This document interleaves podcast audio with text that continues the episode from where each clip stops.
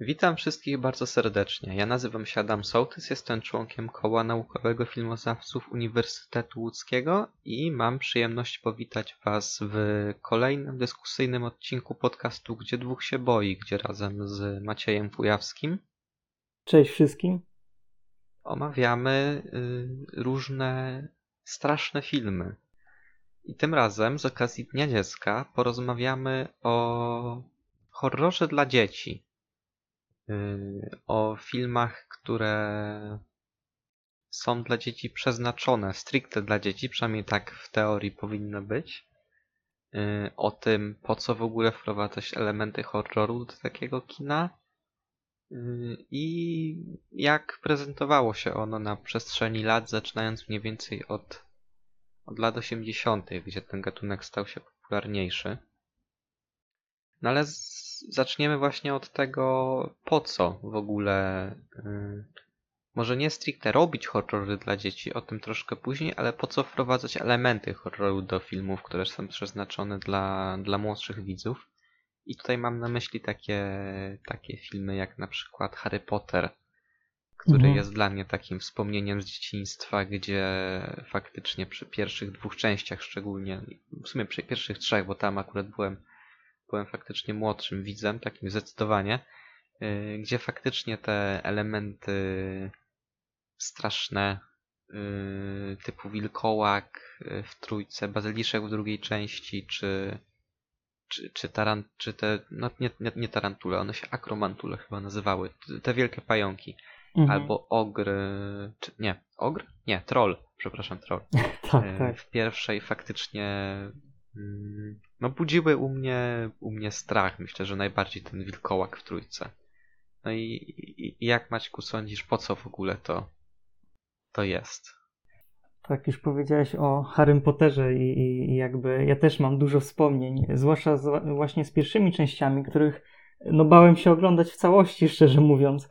E, i, I pamiętam, jak rodzice mi powiedzieli, że jest scena, w której e, z tyłu głowy jednego z bohaterów pojawia się straszna twarz i bałem się tego fragmentu, zamykałem wtedy oczy i wyobrażałem sobie, jak to wygląda i I szczerze mówiąc, po latach, jak zobaczyłem, jak to wygląda, to dużo straszniejsze było to, co sobie wyobraziłem, więc y, to jest taka ciekawa anegdota.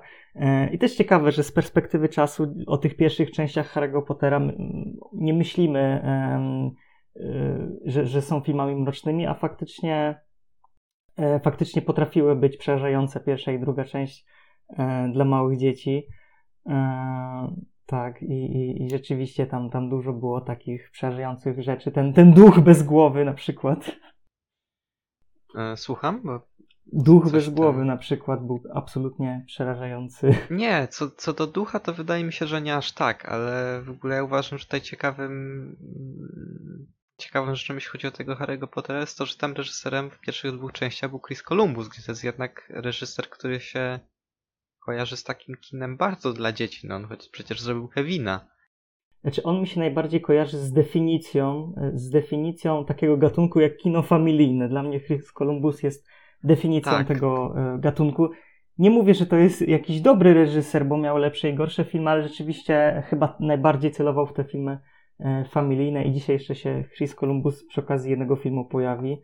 E, tak, i, i to, to jest bardzo ciekawe z tym Harrym Potterem, ale ogólnie co, co do strasznych elementów w filmach dla dzieci, to myślę, że to jest w wielu przypadkach, że tak powiem, mus, że dzieci trzeba w jakimś sensie oswajać z niepokojącymi elementami, z, z elementami horroru.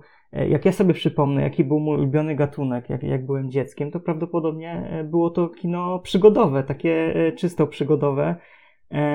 I powszechnie uważa się, że to- ciężko do- jest do- zrobić do film kina nowej przygodowy. przygody Tak. jeszcze przejdziemy za chwilę. Tak, ale, ale takie czysto e, przygodowe filmy, właśnie jak Indiana Jones, e, to są filmy, które nie mogą się obejść bez elementów horroru, tak? Zawsze musiały być sceny w jakichś mrocznych komnatach, gdzie wyskakują te wszystkie robale, e, węże i to wszystko jest pokazane w rytmie takiej głośnej muzyki rodem z horrorów z typowymi jumpscarami. E, Ale też właśnie uwielbiałem takie filmy z monocionymi bohaterami, jak Goonies chociażby, gdzie też był e, początkowo przerażający potwór, który miał zdeformowaną twarz, ale z czasem okazywał się najlepszym przyjacielem człowieka i to też było takie pokrzepiające dla dzieci i oswajało z takimi poważniejszymi filmami, więc uważam, że jak najbardziej e, elementy horrorowe muszą być często w filmach dla dzieci. Nie we wszystkich oczywiście, ale, ale zwłaszcza dla takich dzieci w wieku powiedzmy 12 lat czy więcej, to, to, to jakby jest naprawdę dobrym motywem. Wiesz co, no u mnie to jest też tak, że ja te. Ja bardzo wcześnie zacząłem w ogóle oglądać horrory. W sensie dla mnie pierwsze seanse jakiegoś koszmaru z ulicy Wiązów czy Halloween to był wiek mniej więcej 10-11 lat, także ja się dosyć wcześnie z takimi filmami typowymi, typowymi horrorami oswoiłem. Ale właśnie mm, mam wrażenie, że takim lekkim przygotowaniem, taką zaprawką dla mnie było oglądanie tych, y, tych filmów przygodowych, właśnie wspomnianego Indiana Jonesa, którego jestem ogromnym fanem. I mam nadzieję, że, że Mangold nie zepsuje kolejnej, kolejnego filmu z serii, bo, bo czekam mimo wszystko. Jakby uwielbiam, yy, uwielbiam tę serię. Kto nie uwielbia, no? Indiana Jonesa. Ale jeszcze yy, mi się wydaje, że właśnie yy, gdzieś w jakimś wideo eseju na YouTubie, którego teraz nie mogę nigdzie znaleźć, ale pamiętam, że usłyszałem takie zdanie, że te elementy horrorowe są w kinie dla dzieci potrzebne, żeby oswoić dzieci z tym, że świat jest straszny. I bardzo mi to zapadło w pamięć. To było parę lat temu. I ja się w sumie z tym troszkę zgadzam i mam wrażenie, że to jest to samo, co jak yy, często są, yy, się pojawiają te takie yy, super inteligentne yy, Y, jakby idące w stronę no, typowo demotywatorowe y, obrazki z, ze Scooby-Doo, że no tutaj y, Scooby-Doo uczy dzieci, że tak naprawdę nie ma prawdziwych potworów, bo prawdziwym potworem jest człowiek i to się jakby to jest takie trochę głupie, w sensie to jest rzecz mająca, mam wrażenie, mm, że wpadająca w kategorię tych tych wszystkich obrazków, yy, które się pojawiają na reddicie r slash I'm 14 and that's deep. No ale trochę tak jest. Yy, jakby to, to, to, może nie jest aż tak głęboka myśl, jak niektórym ludziom się wydaje, że jest, ale, ale, ale jest w tym sporo, sporo prawdy. I właśnie mam wrażenie, że dla wielu osób może Scooby-Doo być takim, yy, przynajmniej troszkę starszy, bo obecnie Scooby-Doo troszkę dosyć mocno stracił na popularności. E, I na przykład moja siostra zna Skubiego tylko i wyłącznie dlatego, że ja jej tego Skubiego puszczałem. Podejrzewam, bo jakby w telewizji nie wydaje mi się, żeby kiedykolwiek e, Scooby-Doo oglądała, ale dla osób na przykład już w naszym wieku, czy troszeczkę młodszych, Scooby-Doo może być takim pierwszym czymś zahaczającym horror. Tak, też to, co mówisz o tym oswajaniu dzieci z, z, tym, co jest straszne na świecie i takie naturalistyczne, e, to tak, to będzie taki motyw przewodni wielu filmów, które dzisiaj omówimy i, i myślę, że e, większość tych filmów będzie stało w opozycji do tego, co, co jest najbardziej popularne, jeśli chodzi o kino dziecięce tak naprawdę, czyli na przykład filmy Disneya, które e, muszą być miłe dla oka, w których wszystkie te linie animacyjne muszą być takie gładkie, często e, ładne, wszystko musi być przyjemne. Tutaj dużo jednak będzie, mm, no jednak e, przeciwieństwa tego. E, ale też co do tego, że, że dzieci muszą się trochę bać na, na filmie dla dzieci, to tak, ale niekoniecznie muszą się bać czegoś, tylko ważne jest to, żeby bali się na przykład o bohaterów. Jeśli przejmują się losami bohaterów, to, to łatwiej im jest wysiedzieć, tak, te półtorej godziny, bo wiemy, że często to dla dzieci jest problem. E, przy takich filmach. E, ja sam pamiętam, że e, jak byłem w kinie na, na mój brat Niedźwiedź, to, to pierwsza scena była dla mnie przerażająca i wydaje mi się, że tak samo na przykład scena z, scena z gazelami w, tak, właśnie. W Królu Lwie może być przerażająca. Bo, bo wiem właśnie, jak moja siostra zareagowała na tak w zeszłym roku jej pierwszy raz puściłem Króla Lwa. Mhm. To miała ile? No 5 lat około. 5-6 i, i, się, i była bardzo przejęta tą sceną. Jak do tego momentu jej się film podobał, to jak przyszła scena z gazelami, to jakby schowała głowę w poduszkę i powiedziała, że ona nie chce tego oglądać, ten film jest głupi. Więc faktycznie. Yy... Ale potem jakby już po paru dniach stwierdziła, że ona jednak chce to obejrzeć i tym razem wysiedziała do końca, bardzo jej się Król Lew podobał. Ale no właśnie ten element strachu o bohaterów jest, mam wrażenie, tutaj kluczowy, że jakby nie, nie, nie chcemy wprowadzać jumpscarów raczej i, i, i, tego typu zagrań, ale jakiś taki element napięcia. Tak, tak, tak. No dla dzieci często są przerażające sceny typu, gdzie bohaterowie na przykład są na tratwie i muszą pokonać jakiś wielki wodospad. To są na przykład bardzo emocjonujące sceny, dla, zwłaszcza dla małych dzieci. E, natomiast dzisiaj e, myślę takimi zajmiemy się scenami, które są i, i filmami, które no, zawierają takie elementy rodem z kina dla dorosłych, tych horrorów takich rasowych, więc to, to będzie ciekawe tutaj. E, i bardzo odważne posunięcie większości twórców tych filmów, które dzisiaj zobaczymy, bo to wciąż jest, że tak powiem, dość niszowy temat, te horrory dla dzieci. E, i myślę, że dużo ciekawych filmów tutaj wyciągniemy przy okazji. E, tak, tylko jeszcze zanim przejdziemy do filmów, chciałbym chwilę porozmawiać o kreskówkach bo to jest jednak też spora część, to właśnie co ten wspomniany Scooby-Doo. I mi się właśnie, dla mnie właśnie te takie pierwsze horrorowe doświadczenia, gdzie tych lat miałem powiedzmy te pięć koło, y, to były kreskówki na Cartoon Network i mam na myśli takie rzeczy jak Hojrak Tchórzliwy Pies, jak Billy Mandy, czy troszkę później niezwykłe przypadki Flapjacka, gdzie szczególnie w Hojraku tych elementów horrorowych było mnóstwo. I na przykład Ramzesa mam wyrytego w pamięci do teraz. I to jest coś, co naprawdę jest przerażające przez to, jak to było, jak to było zaprezentowane. I w ogóle w Chojraku były naprawdę straszne motywy. I też e, ta kreskówka naprawdę czerpała garściami z takich, e, jak, jak teraz na to patrzę, z takich klasyków e, lat 30., 50., 60. I w podobnym czasie też, bo to się w latach 90. zaczęło, nagle z jakiegoś powodu cała, cała branża zajmująca się kreskówkami stwierdziła, że trzeba straszyć dzieci na różne sposoby. E, no i wtedy też mm, się pojawiły te takie seriale. To, to było co prawda jeszcze tam w latach 80., ale no mi się one kojarzą z dzieciństwem, gdzie jeszcze było od czasu do czasu puszczane. E, te wszystkie seriale typu opowieści skrypty, typu Gęsia Skórka, typu Czy boisz się ciemności, gdzie tam naprawdę momentami były przerażające rzeczy. No i, i właśnie chciałem zapytać, jakie ty masz doświadczenia z tego typu treściami.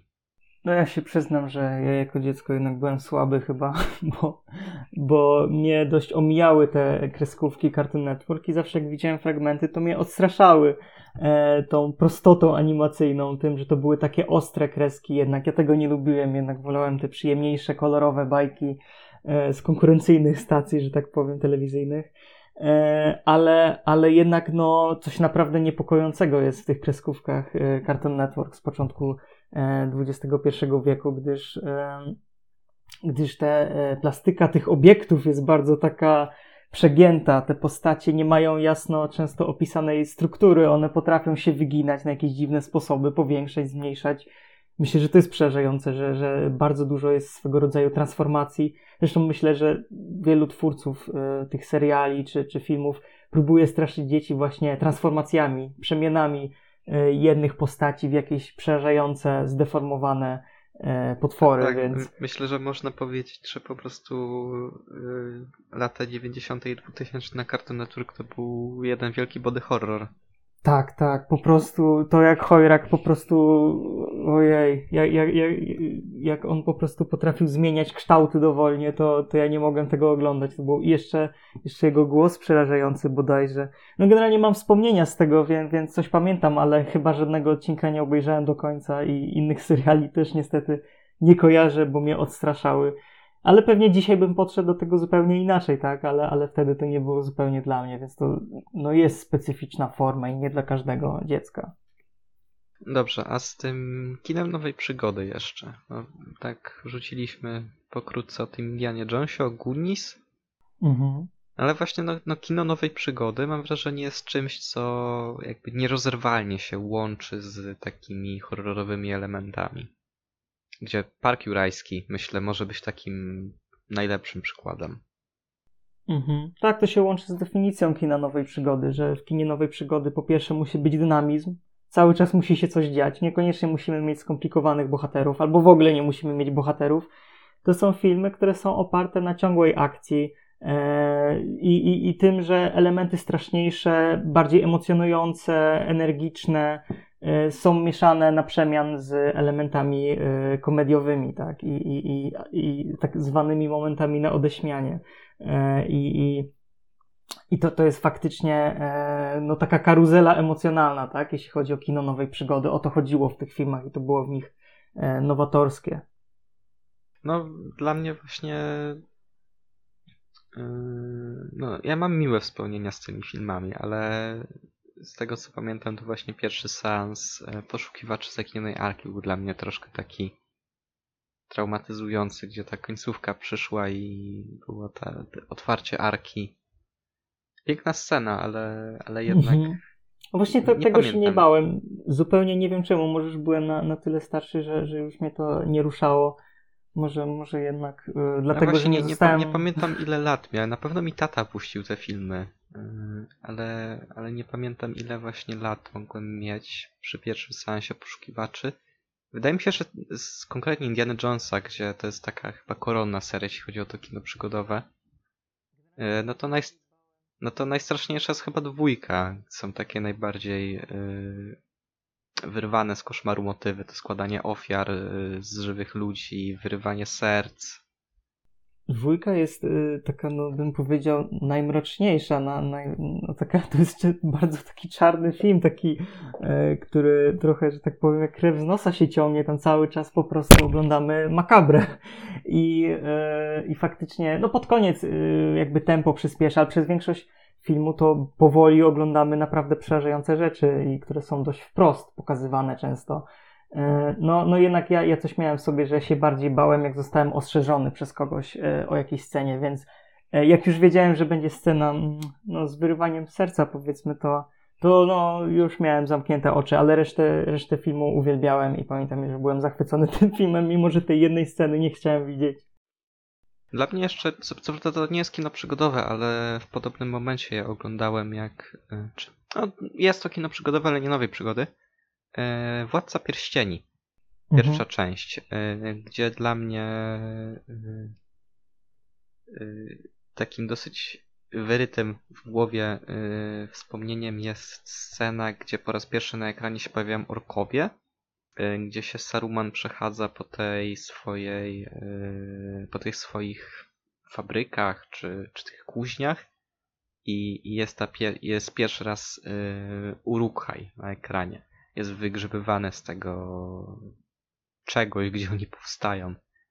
Mm, no i, i, i właśnie mam wrażenie, że Władca Pierścieni też jest takim kinem przygodowym, gdzie jest dużo strasznych scen. Tak, na pewno jest straszniejszy niż Hobbit, bo, bo dużo subtelniej, dużo ciekawiej jest tam e, ta groza ogrywana niż w Hobbicie, gdzie mamy dużo tak naprawdę gore, tak, i odcinania głów i, i tego typu e, okropnych rzeczy, które nie są straszne na dłuższą metę. Tak, ale w tym momencie przypomniałem sobie o trzeciej części Harry'ego Pottera, bodaj najlepszej po dziś dzień, i, i scenie z dementorami, które pojawiają się w pociągu E, I ta scena jest tak, absolutnie to, znakomita. Tak, to jest. Tak, ja właśnie mam bardziej wyrytą w, w, głowie tą końcówkę, gdzie się Lupin wilkołaka przemienia, ale ta scena w pociągu, jak jeszcze jest kompletna cisza, się ta dłoń pojawia na ekranie, ta klamka się porusza. To jest y, po prostu mistrzostwo. Myślę, że One by się nie powstydził takiej Dokładnie. Sceny. I dzisiaj też działa. No jednak ta, ta scena z wilkołakiem działa dużo gorzej dzisiaj. Te, te efekty trochę się tam zestarzały i trochę śmiesznie to wypada, ale ale scena z dementorami jest genialnie podbudowana, każdy element tam działa. E, swoją drogą e, w tym momencie mi się przypomniała scena mm, z filmu, które lubię, ale nie jest dobry, czyli e, drugiej części Jurassic World, tej ostatniej, mm, której e, jeden z dinozaurów właśnie powoli odsłania okno do, do pokoju dziecięcego i właśnie widzimy tę jego rękę, cień tej ręki. To no, wszystko jest tak, ograne tak. jak w horrorze. Tam, takim tam bardzo tych klasycznym. horrorowych było sporo w sumie, jak mm -hmm. tak myślę, w dwójce. Tak, to też ze względu na reżysera e, tamtego filmu, yy, który miał wcześniej film Sierociniec na przykład, tak więc, więc dużo właśnie tak, było tam tego e, typu elementów. Ko Straszne zamczysko. Tak? Nie, nie, w drugiej części był inny reżyser. Nie, nie Trevorow? Aż sprawdzę, nie, nie ale inny i przez to film był moim zdaniem trochę lepszy od pierwszej części, bo, bo faktycznie bawił się e, konceptem e, i fajnie wykorzystywał takie naprawdę A, klasyczne, tak, kampowe e, elementy tak, grozy. J.A. Bayona, dobrze, dobrze. Tak, tak, Czyli tak. to Właśnie jeszcze mówię, pamiętam. reżyser sierocińca. Colin Trevorrow, nie, Trevorrow to, tylko to to pisał. już przestańmy o nim mówić lepiej. Tak. Tak, lepiej tak. Yy, Dobrze, myślę, że mamy taki, powiedzmy, wstęp nakreślenia pewnych rzeczy, rzeczy zrobionej. Możemy przejść już do, do faktycznie rozmawiania o filmach i o tym, jak wyglądały te trendy, jeśli chodzi o te horrory dla dzieci na przestrzeni dekad. No i zaczniemy od lat 80., tak jak na początku wspominałem, od, y, od filmu Ghostbusters, Pogromcy Duchów, y, Iwana Reitmana z roku 1984.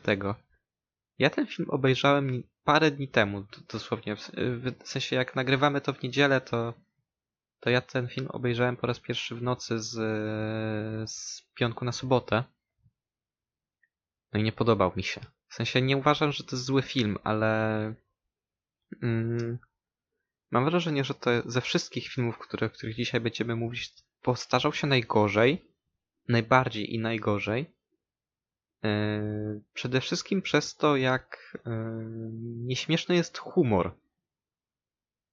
Bo też właśnie du duża część yy, filmów, o których dzisiaj będziemy mówić, to są. pasowałyby do tych horror-komedii, o których rozmawialiśmy w tym ostatnim odcinku dyskusyjnym. No i w Ghost- Ghostbusters są te elementy horrorowe faktycznie, no jakby osią fabuły jest to, że bohaterowie walczą z duchami. Ale to jest jednak bardziej komedia. Yy, Co prawda myślę, że jeśli kogoś coś tym filmie dzisiaj może dzisiaj przestraszyć, to jakość CGI, które wygląda naprawdę koszmarnie i to jest po prostu poziom spawna, co prawda. Kilka lat wcześniej, ale, ale jednak jest podobna jakość. No ale yy, jeśli ktoś lubi Ghostbusters, no to bardzo te, te osoby przepraszam w tym momencie, ale żarty w tym filmie są tak niesamowicie nieśmieszne. W sensie ten film działa głównie dlatego, że aktorzy są charyzmatyczni i Bill Murray jest niesamowicie charyzmatycznym aktorem. Ale, ale żarty, te wszystkie takie strasznie, strasznie, seksu, strasznie przeseksualizowany jest ten humor. Po prostu te, tam dwa razy jest powtórzony dokładnie ten sam żart, gdzie najpierw duch, a potem y, y, Damsel in Distress, grana przez Sigourney Weaver, y, ściąga facetowi spodnie i to jest, y, i to jest śmieszne. Bardzo. Więc jakby, no co, co sądzisz o Ghostbusters? No, ja, chcia, ja chciałbym być ogólnie tutaj przeciwwagą dla ciebie i może, może jakoś bardziej pochwalić ten film, ale też ja nie jestem zupełnie fanem, więc no, totalnie musimy przeprosić fanów tego filmu, bo Ghostbusters zdecydowanie filmem kultowym jest i jest wspominany i wciąż te e, nowe tak, wersje jakby ja, nie- powstają. ja nie zamierzam w ogóle polemizować z kultowością tego filmu. Jakby soundtrack nadal jest wybitny Tak. y, i, i głów, główna piosenka nadal wpada w ucho, ale to jest film, który powstał w tych latach 80. na początku dekady i niech on tam zostanie. I, I ja nie chcę do tego wracać i ja chyba nie chcę w ogóle kolejnych części oglądać. Nie chcę oglądać tego remake'u z kobiecą obsadą. I chyba nie chcę oglądać y, te, tej nowe, tego nowego filmu, bo tam mają wracać ci główni bohaterowie. Znaczy, znaczy, nie chcę. Pewnie obejrzę, bo tak, z obowiązku trochę. No ale mm, nie, to, to jakby to nie jest, y, to nie jest zabawny film. Tak, no generalnie ja też nie, zupełnie y, no, nie jestem fanem tego humoru. Zresztą mówimy o tym filmie w kategorii kina nowej przygody. Dopiero co powiedziałem, że kino nowej przygody to są te niesamowicie dynamiczne filmy. A Ghostbusters, dzisiaj oglądane, moim zdaniem, wlecze się strasznie. Tam w tym filmie się prawie nic nie dzieje, moim zdaniem. Nic się tam prawie nie dzieje. Żarty są tak proste i, i, i szczerze mówiąc nierozbudowane. To są gagi bardziej, takie szybkie, ale ale nie na tyle dobre, żeby jakoś tutaj pobudzić jakieś emocje u widza, żeby faktycznie budować tempo tego filmu, żeby y, no, dać chociaż więcej energii do tego filmu. No, cała energia, jaka jest w tym filmie, płynie z tej y, słynnej już y, piosenki i obsady, która jest bardzo charyzmatyczna e, i ona napędza, da, daje pewnie te dużo tutaj serducha do tego filmu, ale mówię, fabuła jest powolna, niewiele się dzieje. E, Żarty właśnie, jak mówisz, są związane tutaj z taką przaśną erotyką. Zresztą humor bardzo jest przaśny w tym filmie. E, zakończenie jest rozczarowujące, jest słabo podbudowane. E, film się Nie, tak nagle zakończenie, kończy. zakończenie to jest po prostu to, na co się dzisiaj często narzeka w kinie superbohaterskim. Mhm. To jest film, w którym bohaterowie po prostu walczą z, z dziurą w niebie. Tak naprawdę. Tak, też te postacie lubimy dlatego, że grają ich znani aktorzy, tak? Nie, dlatego, że są ciekawie napisani albo mieliby chociaż jedną jakąś cechę charakteru. E, tak, ale w tym momencie też warto trochę stanąć w obronie tego filmu e, i powiedzieć, że na swoje lata no, no był jednak wciąż czymś nowym, e, ponieważ brał w zasadzie wszystkie elementy, które były typowe dla kina grozy, takie bardzo typowe, naprawdę przerażające, no, które pojawiały się na przykład w Egzorcyście, tak, jednym z najstraszniejszych filmów, czyli wszystkie te duchy, opętania, e, egzorcyzmy. I wszystko tutaj jest pokazane w formie wesołej, tak? W formie takiej, że faktycznie ktoś, kto nie ogląda horrorów, nie lubi, może ten film obejrzeć i, i będzie e, takim filmem na początek, na wejście w świat tutaj kina grozy. To, to może e, w, w, w takim układzie ten film naprawdę e, może być dobrym początkiem, może się podobać. E, tak, i ciekawy jest w tym filmie ten kontrast między tym, że dorośli zachowują się jak dzieci, a stają przed tutaj przerażającymi e, rzeczami. E, I, I też kontrastuje to z tym, że humor jest jednak dość dla no, dojrzałego widza, ale taki mówię dość przaśny i niewyszukany. Tak, więc e, kultowy film, ale nie wiem, czy warto wracać. Lepiej zachować wspomnienia chyba. Tak, no jakby. No, no ja się troszkę męczyłem. Mhm. jednak. I, I mam wrażenie, że ponarzekaliśmy trochę na to Ghostbusters i, i to jest trochę w taki film do odhaczania, bo on jest jednak istotny w kontekście tych horrorów dla dzieci, ale ja tutaj za bardzo już nie mam nic do powiedzenia. Yy, po, powiedziałem to, co ten, to, co chciałem. To, to, to, to nie- jest to film, który podejrzewam dzisiaj szczególnie mógłby nowych widzów jakoś szczególnie zainteresować. Bardziej z takiego kronikarskiego obowiązku można go obejrzeć. Yy... Przez to, jaki wpływ mimo wszystko miał, no bo jakby odniesień do Ghostbusters jest mnóstwo, jakby w Stranger Things chociażby, czy, czy przecież seria gier yy, Luigi's Mansion od Nintendo, która jest bardzo silnie inspirowana Ghostbusters, ale ja tutaj chyba nie mam nic więcej do powiedzenia tak naprawdę. Jak, jak myślę na przykład o postaci Billa Mareya, yy, no to jakby niby ją lubię, no ale to bardziej mi się wydaje przez to, że lubię Billa Mareya i przez to, że uważam go za zabawnego aktora, niż przez to, że lubię postać, no bo jakby jedyną cechą bohatera, nie pamiętam w ogóle jak się nazywał, yy, Walkman chyba? Yy, jakby jedyną jego cechą, jaką ja sobie jestem w stanie przypomnieć, to to, że on jest zainteresowany Sigourney Weaver. No właśnie. Też takie bardzo stereotypowe myślenie i bardzo dużo takiego prostactwa jednak przebija się z tego filmu, mam wrażenie, niestety. Które nie jest wyśmiane właśnie, nie? Te, te, te takie... Mm, to, że bohaterowie e, są, są głupi, mam wrażenie, miejscami jest bardzo na poważnie wzięte i jakby nie czuję dystansu do tego albo próby skomentowania tego, że no temu bohaterowi zależy tylko na, na Sigourney Weaver. No jakby no to jest słabe dość, mam wrażenie. Więc ni- nie, już nic więcej nie mam do dodania. Nie, dobrze, idziemy dalej do filmu, który jest dużo, dużo, dużo lepszy, jest w ogóle najlepszy, najfajniejszy ze wszystkich. Y, Gremliny, rok 1800, tyś- 1800, 1984, Joe Dante, najlepszy film świąteczny, jaki kiedykolwiek powstał. I uwiel- u- uwielbiam Gremliny i to jest w ogóle, to jest też bardzo istotny film, bo po jego premierze się rozewrzała dyskusja na temat tego, co może być dopuszczalne w kinie dla dzieci i za sprawą Stevena Spielberga, yy, który chyba ten film produkował, nie mam pewności, ale wydaje mi się, że tak. Na pewno produkował go i pisał scenariusz Chris Columbus, ale to jest film, który doprowadził do powstania, do wprowadzenia w Stanach kategorii wiekowej PG-13, czyli tej najpopularniejszej obecnie. No i, i, i co sądzisz o Gremlinach? Tak, ja, ja szczerze mówiąc, y, obejrzałem ten film ostatnio po raz pierwszy, nigdy wcześniej go nie oglądałem. To też jest taki film, że stosunkowo rzadko do niego się dzisiaj wraca. E, Wiele osób wychowanych właśnie w latach A 80. szkoda, bo jest Tak, ale wiele genialny. osób wychowanych w latach 80. ma bardzo miłe wspomnienia e, z tym filmem i, i faktycznie e, bardzo go lubi. I szczerze mówiąc, ten film się nie, nie zestarzał za bardzo. To jest bardzo kompetentny film kampowy, trochę film klasy B, ale tak dobrze zrobiony, bardzo dobrze zmontowany, dobrze nakręcony, e, ze świetnym humorem, bardzo kreatywny, dynamiczny. Mi ten seans minął bardzo szybko, nie nudziłem się ani przez chwilę.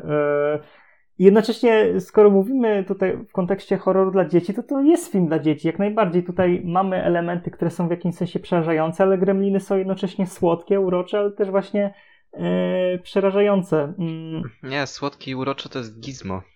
Tak, ale. ale, są przerażające. Ale, tak, ale i, i polski tytuł, tak? Gremliny rozrabiają. I faktycznie przez, te, przez cały film tylko i wyłącznie rozrabiają. Tutaj się niewiele więcej dzieje. No, w tym filmie nie ma bohaterów. Generalnie można by się tego czepiać, ale pytanie, czy ten film potrzebował tutaj ludzkich bohaterów, czy potrzebował dobrego scenariusza? Moim zdaniem niekoniecznie, chociaż Chris Columbus y, jako kompetentny reżyser, który no nie siedzi w kinie klasy B, zrobił tutaj taką robotę, że faktycznie ten film się dobrze ogląda i co chwila dostajemy kreatywne gagi, kreatywne scenki, które są szalone, które są pomysłowe. Bardzo dużo jest bardzo e, celnej parodii w tym filmie. Na przykład e, świetna scena w barze, w której mamy parodię kina noir, gdzie mamy gremlina z papierosem, pijącego jakiś alkohol. Mamy gremliny, które tańczą bardzo śmiesznie i to też będzie bawić zarówno dzieci, jak i dorosłych. mamy gremliny, które udają bandytów po prostu w tym filmie jest wszystko. On jest tak wypchany rzeczami, że ciężko się na nim nudzić. Yy, tak, ja mam wrażenie, że to są takie troszkę lepiej zrobione mordercze klauny z kosmosu, o których Tak, dokładnie. Też miałem z tym skojarzenia, bo humor też generalnie jest infantylny, ale jest z takim wdziękiem podany, z takim polotem i, i faktycznie to trafia po prostu i, i czuć, że, że jest w tym serducho, że twórcy dobrze się bawili robiąc ten film.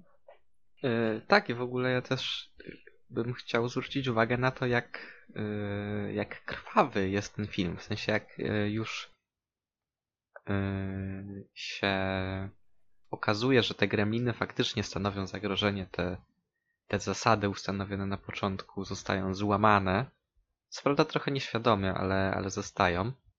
No to to się zmienia na chwilę w taki trochę gorfest.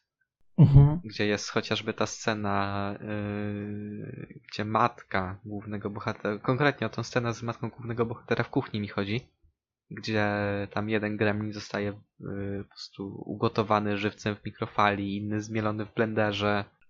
Tak, ta, ta scena w kuchni mi się kojarzyła trochę z Transformersami, gdzie dużo gorzej to było ograne, bo tam było na przykład CGI, tak? A ogromną zaletą Ghostbusters są efekty praktyczne które są cudowne. Gremlinów, nie Ghostbusters. Tak, tak. Aha, Gremlinów, tak, przepraszam, zapomniałem. Tak, tak, y, to jest... Yy... Wydaje mi się, że to są jedne z najlepszych kukiełek nadal. Mhm.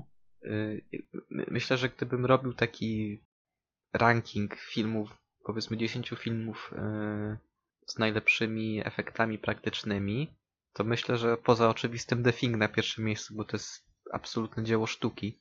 Jeśli o to chodzi, to myślę, że Gremliny miałyby sporą szansę na znalezienie się w tym top 5, bo, bo te efekty są mm, na naprawdę bardzo wysokim poziomie. Mhm. I, I też y, warto wspomnieć króciutko, bo ja nie widziałem akurat tych filmów, ale Często w kontekście Gremlinów mówi się też o Crittersach. To była trochę taka, no zrzynka, ale też, też jakby wiele osób ma wspomnienia z tymi filmami, mam wrażenie, z tamtych lat. E, I ja, szczerze mówiąc, ostatnio, e, jakiś czas temu e, oglądałem film, najnowszą część Crittersów, bo była do obejrzenia na jednym serwisie. Mm, Crittersi atakują bodajże z 2019 roku chyba. Nie wiem, ja z Crittersami mam tyle do czynienia, że wiem, że istnieją. Mhm. I tamten film był o tyle przyjemny, że no, miał efekty praktyczne, ale to jest jego jedyna zaleta. W tym filmie się nic nie dzieje, nie ma żadnej kreatywności, w ogóle nie ma tego tempa, co pierwsza część Gremlinów i, w ogóle nie ma tego elementu zabawy, co tamten film i, i nie, nie umie się śmiać y, z tych Gremlinów i, i, i bohaterów, jak umiał właśnie ten film z 84, więc, y, więc nie polecam ogólnie, bardzo zły film. Tak, ale Gremlinem polecamy i, i to jest w ogóle yy, też film, o czym wspominałem na początku, to jest film świąteczny. I, i, z, i z horrorów świątecznych, gdzie ich jest jednak całkiem sporo, również jest y, czymś, co się zdecydowanie na plus wybija, oprócz, y, oprócz pierwszej części Black Christmas, która jest niesamowicie istotnym filmem. Jeśli ktoś, jeśli ktoś nie wie, film Boba Clarka, kanadyjski film, który przyczynił się w bardzo dużym stopniu do powstania slasherów. No i właśnie mam wrażenie, że obok Gremlinów jest yy, zwykle wymieniany jako te, że to są te dwa najlepsze yy, dwa najlepsze filmy, yy, dwa najlepsze świąteczne horrory, jakie kiedykolwiek powstały. No jeśli chodzi jeszcze o Gremliny, no to co prawda nie będziemy o tym filmie mówić, bo ja go słabo pamiętam, a ty Maćku go chyba nie widziałeś w ogóle. No ale dwójka też jest genialna jest lepsza, uważam, niż, niż oryginał. To jest jeden z tych, tych przypadków, gdzie sequel przebija pierwszą część. I dwójka jeszcze bardziej skręca w parodię, w wyśmiewanie schematów. Z tego co pamiętam, to jest film, który trochę w ogóle parodiuje koncept sequela jako całość. I myślę, że można do tych filmów w pewnym momencie wrócić. No ale właśnie Gremliny się też mam wrażenie. To, to nie jest film, do którego jakoś wyjątkowo często się wraca, ale e, tak bezpośrednio, ale mam wrażenie, że bardzo często pojawiają się odniesienia do Gremlinów w różnego rodzaju filmach. Że to jest jednak film, który naprawdę miał duży wpływ na, na popkulturę. Przecież o jednym z filmów, który, film, o którym chyba będziemy rozmawiać jako ostatnim, czyli Frankenweenie. Tam odniesienie do Gremlinów jest e, na, no, no jest bardzo wyraźne. Tak też e, jeszcze krótko, że gremliny e, mogą być straszne dla dzieci, ale jednocześnie przyjemne, bo gremliny to trochę takie dzieci, które są bardzo e, no, hałaśliwe i ruchliwe, więc i, i, i są wielkości dzieci. Więc taka mała, no, dziwna uwaga. No tak, właśnie też gremliny są niebezpieczne, ale nie są w taki nie są niebezpieczne w taki sposób jak zwykle niebezpiecznym są, są potwory z horrorów, bo gremliny są niebezpieczne przez to, że po prostu yy, tworzą chaos i, i robią demolkę wszędzie. I te wszelkie obrażenia, czy w niektórych przypadkach nawet śmierć, mm, jest bardziej, jest bardziej efektem ubocznym tego, że gremliny bardzo chcą niszczyć rzeczy i otoczenie. Tak, i nie wiem, czy jeszcze masz, masz coś do dodania, ale teraz możemy przejść do filmu, który uwielbiam i, i zawsze mogę o nim mówić. E, nie wiem, czy już możemy. Nie, ja już, ja już skończyłem. Tak, czyli. Się, się zachwycać. Oglądajcie Gremliny. Tak, oglądajcie. Ale oglądajcie też e, Sok z Żuka e, Tima Bartona, o którym już miałem przyjemność mówić. Ty nadrobiłeś, jak ci się podobało to genialne dzieło komediowe? Nadal stoję przy tym, że najlepszym filmem Bartona, co prawda nie widziałem Eda Wooda i bardzo dawno widziałem Edwarda Nożycorankiego, ale jednak stoję przy tym, że najlepszym filmem Bartona jest Batman, oryginalny, mhm. ale Beetlejuice jest takim mm, close second. To jest o. naprawdę bardzo dobry film, bardzo kreatywny film, bardzo zabawny film y, z naprawdę rewelacyjną obsadą. Szczególnie tutaj mam y, wrażenie zachwycają oczywiście Michael Keaton, ale również może zapomniałem nazwiska aktorki. Catherine O'Hara? Nie. Stranger Things. A, Winona Ryder, tak. Tak, Winona Ryder, mm, która jest rewelacyjna jako właśnie taka gotycka emo dziewczynka, która ma trochę kryzys tożsamości, nie wie co ze sobą zrobić i tak dalej. Mhm. E, no i to jest film, który bardzo się ładnie wpisuje w te późniejsze też rzeczy Bartona. W sensie widzę echa Beetlejuice'a ewidentnie w na przykład w, w Corpse Bride. Mhm, mhm. Tak. Gdzie ten świat y, po śmierci jest przedstawiony w bardzo taki podobny sposób, że y, ten świat zmarłych jest takim ra radosnym miejscem zabawy, a ten świat żywych jest taki trochę sztywny. Może nie tak, może nie ma aż tak dużego kontrastu tutaj jak w Corpse Bride, ale, ale lekki jest gdzie właśnie te duchy są takie bardzo kolorowe, yy, głośne i, i, i, też ten świat wygląda w taki, jest taki, yy, jakby to powiedzieć, jest taki bardzo nieprzejaskrawiony, ale jest tam dużo koloru. czy moim zdaniem Sugoszuka jest przejaskrawiony, ale to jest bardzo, bardzo spójna e, konwencja tutaj Tima Bartona. E, I w tym filmie dla mnie działa wszystko. To, to jest niesamowicie pomysłowy film, e, który działa zarówno jako opowieść, jako fabuła, w której jest jakaś progresja, w której bohaterowie chcą coś osiągnąć, a jednocześnie jako zbiór gagów, jako zbiór kolejnych scenek, które można sobie potem puszczać na YouTubie i się z nich śmiać, bo to są genialne miniatury komediowe, jak chociażby pierwsze pojawienie się E, tytułowego e, Beetlejuice e, na cmentarzu. Uwielbiam do tej sceny wracać. Ten, ten film ma masę charyzmy, ma genialne prowadzenie aktorów. Mam wrażenie, że Tim Burton absolutnie z każdej osoby w obsadzie wyciska wszystko. Jakby kładzie duży nacisk na to, żeby grali w pewnym sensie tak, jakby grali w horrorze, ale w sposób groteskowy, w sposób zabawny, mają robić dziwne miny, mają się bawić w swoich rolach i to jest absolutnie cudowne. E, tak, ja w zasadzie nie wiem, co jeszcze dodać. To, to, to jest e, piękny film, e, w którym są świetne efekty. Znaczy, one się miejscami zestarzały, zdaję sobie z tego sprawę, ale moim zdaniem to, to bardzo dobrze, że się zestarzały, bo przez to mam wrażenie, że ten, ten film istnieje w takim bezczasie, że, że on jest niesamowicie uniwersalny. E, I to też pasuje do tego kampowego, nieco kiczowatego tonu. Ta, tak, A... właśnie chciałem, chciałem to powiedzieć, że te efekty trochę się yy, potęgują, ten efekt kiczu. No mi się mi najbardziej zdecydowanie zapadła scena y, tańca przy stole. Jest cudowna. Gdzie ten wpływ Beetlejuice'a się po raz pierwszy przejawia jakoś. Mhm. Tylko właśnie y, ja bym chciał powiedzieć, że wydaje mi się, że to troszkę nie do końca może być. Mm, że to jest film raczej dla tych starszych dzieci. Że to jest film mhm. raczej dla osób, które mają te 11, 12, 13 lat. E, przez to, przez to, że momentami ten film jest dosyć wulgarny. E, tam mhm. chyba nawet jakieś, jakieś inwektywy padają, jest, jest mięso rzucane, szczególnie właśnie z, z ust Beetlejuice'a, który jest taki nieokrzesany i, i nie gra zgodnie z zasadami.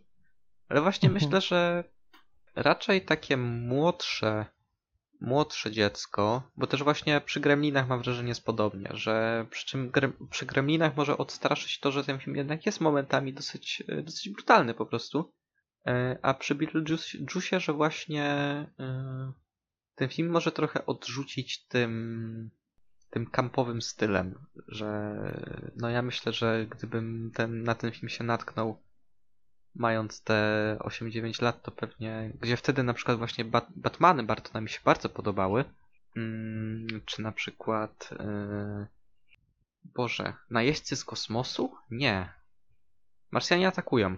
Mhm. Yy, uwielbiam i właśnie yy, pierwsze seanse dla mnie to był ten wiek, myślę, że z przedziału 7-9 lat to pewnie Beetlejuice w tamtym momencie by mi trochę, byłby dla mnie trochę odstręczający przez to właśnie jak dziwny w swojej kampowości jest ten film.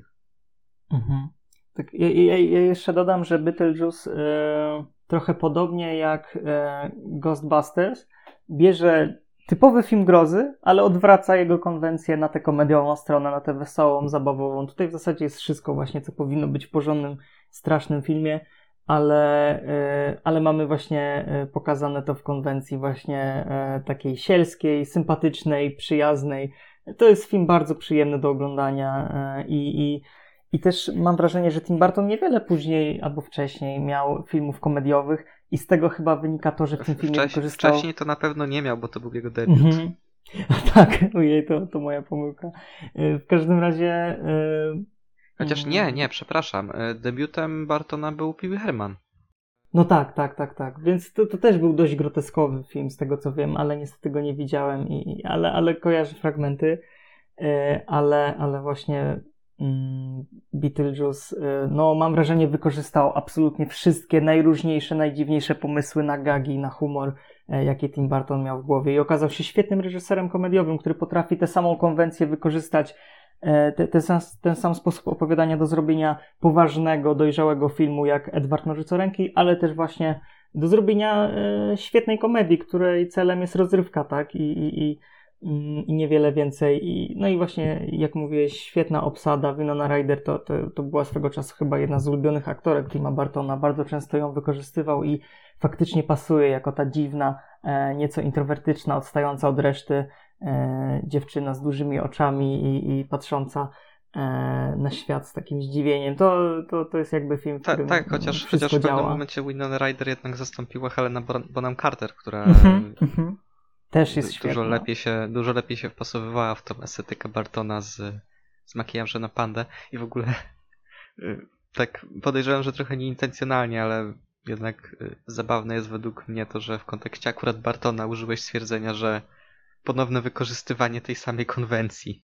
Bo to jest jednak, co, bo to jest, je- bo to jest jednak coś, co trochę mam wrażenie od pewnego momentu zabiło jego karierę tak naprawdę. Mhm. Znaczy miałem na myśli stylistykę bardziej, ale jeszcze potem dojdziemy do późniejszego filmu. Może zahaczymy o mm, jeden z gorszych filmów Bartona, czyli Alicję w Krainie Czarów, ale to, to później. E, tak, przy czym w ogóle też e, w kontekście Beetlejuice'a jeszcze e, powstaje sequel tego filmu. I właśnie do swoich ról mają, mają wrócić e, Winona Ryder, ma wrócić Michael Keaton i, i Tim Burton ma wrócić na stołek reżyserski. Co prawda to jest, to jest taki sequel, o którym się mówi od lat, e, naprawdę, ale no ciekawe, czy, czy to dzisiaj jeszcze może działać, czy Tim Burton jednak po tych po prostu Ah. ogromnych porażkach, jaki nie widziałem Big Eyes, ale po Okropny tych film. koszmarkach, jakimi były osobliwy dom pani Peregrine i Dumbo, czy on jeszcze coś potrafi? Ja widziałem Big Eyes i to jest fatalny film. E, I w Beetlejuice e, ten nowy, szczerze mówiąc, nie wierzę. E, Nie, nie wierzę, że się uda. Uważam, że, że publika dzisiaj jednak jest nastawiona na inne filmy, na nieco inny humor. E, Nie potrafi tak łatwo śmiać się, mam wrażenie, szeroka publika, do której pewnie ten film ma być kierowany e, z takiej z groteski, z, z łączenia horroru z komedią. To jest jednak bardzo niszowa forma mimo wszystko, więc... e, więc no nie, nie, nie widzę tutaj za bardzo opcji. Przecież jak powstaje te nowe Ghostbusters, to już widać po zwiastunach, że to ma być bardziej taki film sentymentalny, nieco bardziej poważny, że tutaj dziedzictwo, tak? I tak samo boję się, że może być z, z, z Beetlejuice i, i że tu już nie będzie ta, ta świeżość, te, ta lekkość, co, co oryginał. Nie wiem, no zobaczymy. Yy, Kolejny film, o którym pokrótce powiemy, to jest. yy, Mam wrażenie, że najbardziej idący w kino artystyczne ze wszystkich, też przez osobę, która to reżyserowała. Tutaj wiem, że będziesz miał więcej do powiedzenia. Mhm. E, Film Wiedźmy, The Witches, e, Nicolasa Rega z roku 1990. E, To jest film na podstawie, na podstawie książki pana Roalda Dala, który napisał na przykład Charlie'ego i Fabrykę Czekolady, Matyldę i książka, na której podstawie powstał mój ulubiony film w ogóle, czyli Fantastyczny Pan Lis. Wybitne dzieło. Jeden z najlepszych filmów w historii. Fakt, nie opinia. Yy, No i właśnie The Witches też oglądaliśmy niedawno. I mam wrażenie, że to nie jest film dla dzieci. E, no w jakimś sensie tak. No zwłaszcza dla, dla dzisiejszych Mi- dzieci. Mimo, Myślę- że, mimo że, bez, że bez wątpliwości był w dzieci kierowany, to ja mam wrażenie, że ze wszystkich filmów, które dzisiaj mamy na liście, jeśli chcemy wziąć takie, takiego dzieciaczka lat 5 i go straumatyzować, puszczamy mu The Witches i będzie Tak. trauma gwarantowana. To jest takie dość radykalne, bym powiedział, oswajanie dzieci y, z tym światem horrorów i, i poważnych filmów. E, zaskoczyło mnie na początku te powolne tempo. E, to, to, że powoli się to rozwija, że to zupełnie nie jest dla dzieci, tak? Że, że e, dzieci jednak potrzebują szybszych początków, żeby, żeby tutaj już żartami i, i właśnie gagami e, no, no, zainteresować się tym filmem. No, na początku niewiele, stosunkowo niewiele się dzieje. E, Tak, co no, ten, dorosłych... ten film trwa 90 minut i się tak naprawdę rozkręca po pół godziny. To jest jedna trzecia filmu. Tak. I no, mamy tutaj słynną scenę, która straumatyzowała pewnie wiele dzieci, które to oglądały, gdzie no właśnie mamy coś, o czym już mówiłem, czyli transformację, przemianę e, tutaj e, e, Angeliki Houston w przerażającą wiedźmę. e, z pięknymi efektami praktycznymi. Znaczy pięknymi to akurat e, subiektywna opinia, ale no, dla wielu osób mogą być no, wręcz e, odrażające, obrzydliwe. Tak, ale od tego momentu mam wrażenie, że, że film jest coraz mniej straszny i co, coraz bardziej próbuje jednak przyciągnąć do siebie dzieci, między innymi taką dynamiczną konwencją kina nowej przygody, które nagle się pojawia. To, że tutaj dzieci zamieniają się w myszy, E, i muszą pokonywać kolejne przestrzenie. To się bardzo dobrze ogląda. Ten film jest świetnie nakręcony. Czuć w nim trochę stylu Nicolasa e, Rega. Nie jakoś bardzo dużo, ale jednak faktycznie czuć e, to, jak on wyolbrzymia rzeczywistość tutaj szerokokątnym obiektywem chociażby i, i czymś, co podchodzi pod efekt rybiego oka.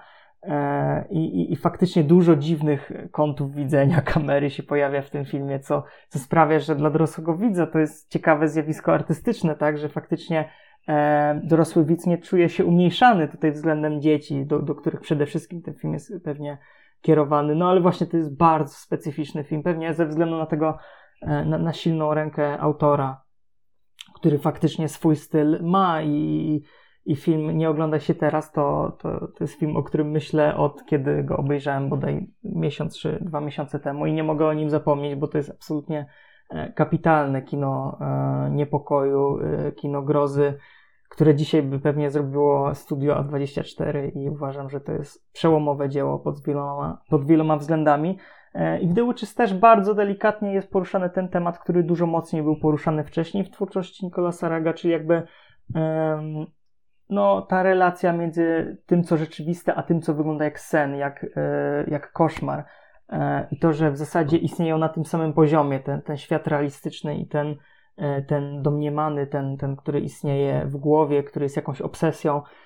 To, to jest bardzo trudny temat, ale udało się to uprościć tutaj do poziomu kina dla dzieci, chociaż, chociaż no to, to, to może być faktycznie, jak mówisz, no dość taki przerażający film dla dzieci. No, The Witches mi się w pewnych momentach kojarzyło dosyć mocno z późniejszymi filmami, e, już animacjami Roberta Zemeckisa, który swoją drogą zrobił remake The Witches, który miał premierę w zeszłym roku. Nie widzieliśmy tego filmu, podobno jest koszmarny. E, dostał chyba nawet kilka nominacji dla Złotej Maliny. Mhm. Mm, no ale właśnie mam wrażenie, że ten film momentami troszkę E, straszy w podobny sposób, czy budzi niepokój, jak robi to Ekspres Polarny i, i opowieść wigilijna Zemekisa. E, szczególnie jak właśnie są te takie elementy transformacji. I do tego zakończenia tego filmu jest mo, może nie tak, może nie sama końcówka, ale powiedzmy rozwiązanie konfliktu. Mhm. Ten film jest tak. piekielnie brutalny w tym momencie. Mhm. Jakby ta, tam tak. jest scena po prostu masakry. Mhm. Tak, ale próbował ten film jakoś przybliżyć się jednak tutaj do, y, no, wzbudzić sympatię u, u dzieci. Między innymi pewnie taki, y, takim zabiegiem było tutaj na przykład y, casting Rowana Atkinsona w jednej z ważniejszych ról, który tutaj pasował do, do, do roli tutaj jakiegoś dyrektora bodajże, czy, czy, czy właściciela. Tak. I, i, i Jaś Fasola świetnie Gustaw. się sprawdził. Tak, świetnie Jaś Fasola się sprawdził. Ale film jako tutaj powiedzmy z naszej perspektywy zjawisko artystyczne jest dobry, ale jako film dla dzieci no nie do końca tutaj się, się udało chyba jednak trafić w tę wrażliwość dziecięcą. Nie, absolutnie. Ja uważam, że to jest naprawdę Gdyby podkręcić tam niektóre elementy, to to by mógłby być horror typowo dla, mhm. dla dorosłych widzów.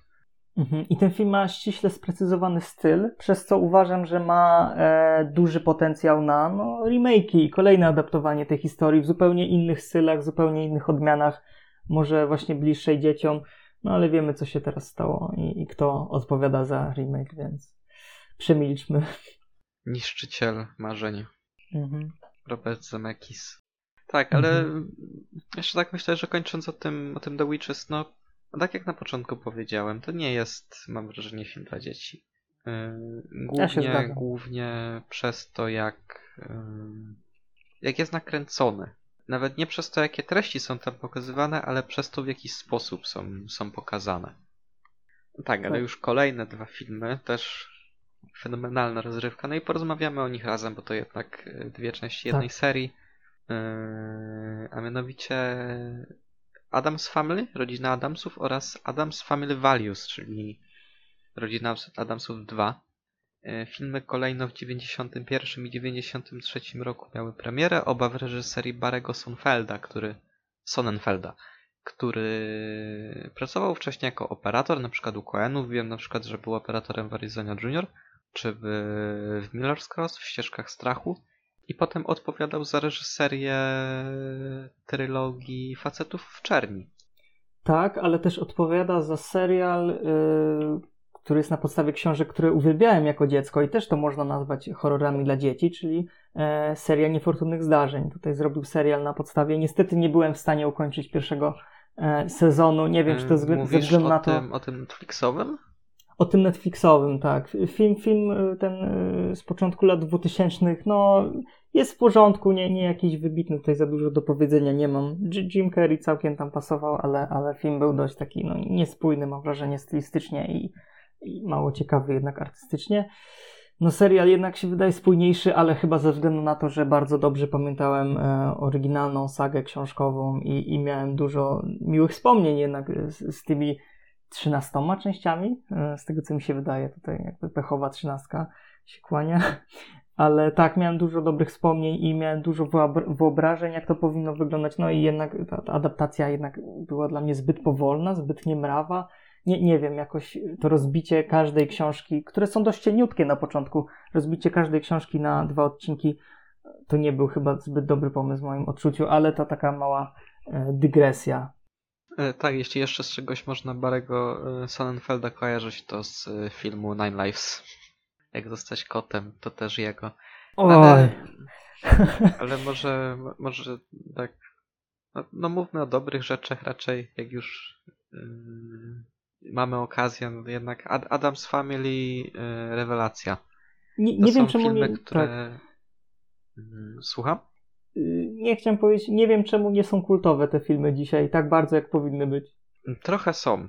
E, w sensie Rodzina Adamsów mam wrażenie, że jest w takim bardzo dziwnym miejscu, że to są filmy, które z jednej strony są kultowe, ale z drugiej mało kto o nich pamięta tak naprawdę.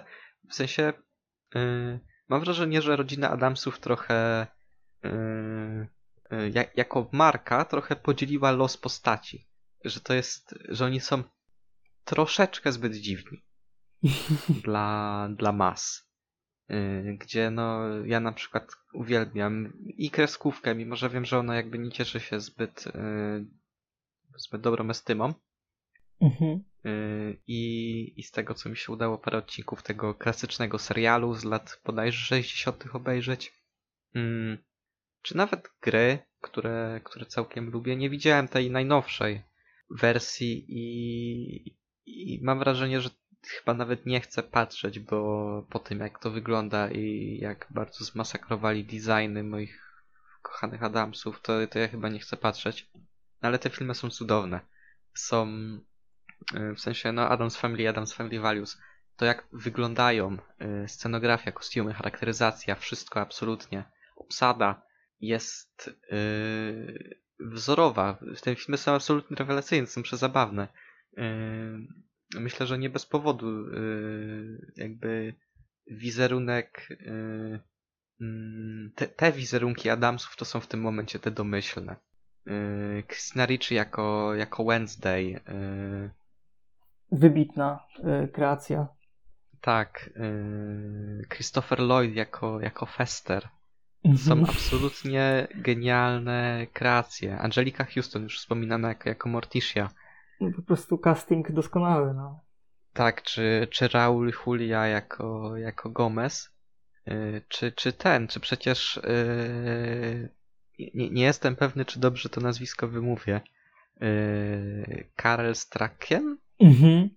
Tak, ten linczowski jako, jako, aktor. Jako Larch, którego można kojarzyć jako, jako olbrzyma z Twin Peaks. Yy, to są absolutnie rewelacyjnie zagrane role. Rączka I też, też świetnie ogóle... zagrała. Też Rącz, świetnie. Rączka też super. O Rączce to ja w ogóle będę chciał jeszcze powiedzieć dwa słowa. Spin-off jej się należy. E, słucham? Spin-off się należy tej Rączce i film, który, który pokazuje jak sobie radzi jako kurier. tak, zdecydowanie. E, no ale Adamsowie jest właśnie, są właśnie takim To, jest coś, o czym będziemy też mówić później, ale Adamsowie w bardzo kreatywny sposób przetwarzają horrorowe motywy.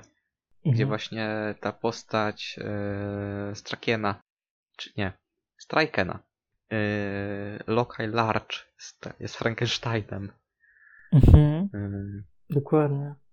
yy, czy, właśnie ta, czy właśnie ta rączka, która mm, jest po prostu szczytem tego motywu, o którym mówiliśmy w odcinku. Tutaj odsyłamy do szerszej, powiedzmy, dyskusji na temat generalnie dłoni w horrorze. Halo, dzień dobry, mówi Adam z przyszłości, który właśnie montuje ten materiał. Mowa oczywiście o epizodzie na temat horroru niemieckiego lat 20., gdzie motyw dłoni w horrorze omawiamy w szerszym kontekście w czasie rozmowy o filmie Ręce Orlaka. Także tam odsyłam do, jeśli ktoś chce usłyszeć więcej. A, a, a teraz zapraszam z powrotem horror dla dzieci. No to bardziej horrorową dłonią niż rączka nie da się być. Dokładnie. Świetnie jeździ na desce. Wybiam to, że dwójka, zaczy... jedna z pierwszych scen dwójki to, to, to jest chyba minuta tego, jak po prostu y, rączka wykonuje triki na desce. To jest film, który ma tego typu lekkość, te, tego typu charyzmę i tego typu y, po prostu no, zabawę. No, to- to, ten film po prostu nie, nie udaje też wielkiej sztuki, a jednocześnie nie jest głupi. On ma jednak coś do powiedzenia moim zdaniem i, i myślę, że ta cała tak, rodzinka... szczegól- szczególnie dwójka. Mhm.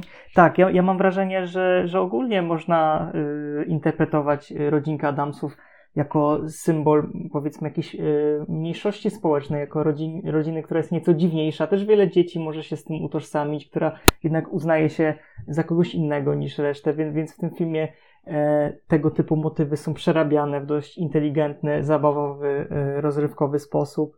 E, tak, i w dwójce genialnie jest pokazany e, mm, chyba najlepiej obok e, Jojo Rabbit obóz tutaj letni dla, dla dzieci. Ja mniej więcej tak to pamiętam, tego typu cringe'owe sytuacje, gdyż sam uczęszczałem. E, I, I bardzo, bardzo Ta- dobrze tak, właśnie. Mówisz, że zdarzało wam się podpalić obóz przy okazji Nie, e, to przewrotu jakby- w czasie rasistowskiej sztuki teatralnej. Nie, nie, to, to jakby tutaj e, naciągam, ale, ale żartuję sobie. Natomiast właśnie też y, genialnie są wzięte te takie maksymalnie nudne, codzienne, życiowe sytuacje, właśnie jak obóz, jak y, teatrzyk dla dzieci na przykład, taki szkolny. E, Tak, i- tak, no bo i- też warto pamiętać, jakby jakie są korzenie Adamsów, gdzie to miała być, e, kiedy, kiedy powstawała ta marka, właśnie w latach 60., no to przecież rodzina Adamsów miała być parodią e, sitcomów tamtego, tamtego Mhm. okresu.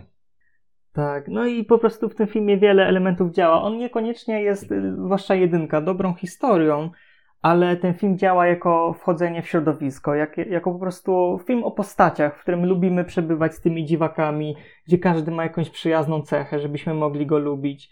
E, No to po prostu świetnie się ogląda przez te charyzmy aktorów, przez bardzo dobre gagi.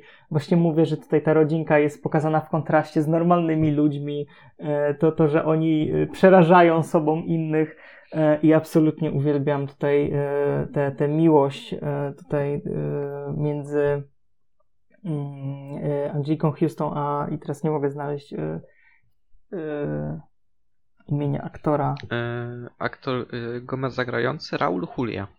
Tak, tak. I między nimi po prostu jest masa chemii i, i to jest fatalistyczna, y, niesamowita po prostu y, y, no miłość, ale, ale podszyta takim niepokojem, że to absolutnie fenomenalnie wypada i dużo właśnie takiej skrytej przyjemności w odkrywaniu takich dziwactw tych wszystkich bohaterów.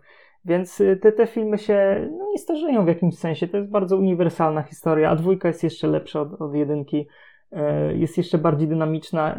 Wadą dwójki jest, no, może słabe efekty specjalne, zwłaszcza komputerowe dziecko w jednym momencie, które, y, no, przypomina mi o tych gorszych filmach Barry'ego Sonnenfielda. Czyli na przykład y, Jak zostać kotem wspomniane. Ale, ale poza tym to ogólnie polecam te filmy oglądać po sobie. To jest wtedy trzygodzinna rozkosz i, i po prostu y, no, świetna zabawa. Tak, tutaj też e, po raz kolejny można w ogóle przywołać tego, tego Tima Bartona, który ma robić serial dla Netflixa o, o Wednesday Adams. gdzie w główną rolę się, się wcieli Jenny Ortega i też ciekawe jak to wyjdzie. Szkoda jednak, że nie animacja poklatkowa, ale to... Tak, myślę, że w przypadku, w przypadku Adamsów yy, animacja poklatkowa mogłaby się świetnie sprawdzić. To jest jednak yy, w tej typowo estetyce animacji poklatkowych Bartona. Yy, właśnie Frankenweenie, Nightmare Before Christmas oraz yy, Corpse Bride. To by było po prostu perfekcyjne. No, ja Adamsów naprawdę uwielbiam jako, jako markę. Tak jak już zresztą chyba mówiłem. I w sumie troszkę jest mi smutno, że właśnie to nie jest aż tak popularna seria. Mhm, też mi jest smutno. Tak, tak. By, by, była ta animacja w zeszłym roku, tak jak też mówiłem, wyglądała okropnie yy, po zwiastunach i ja nie chcę patrzeć na to, co tam zaszło.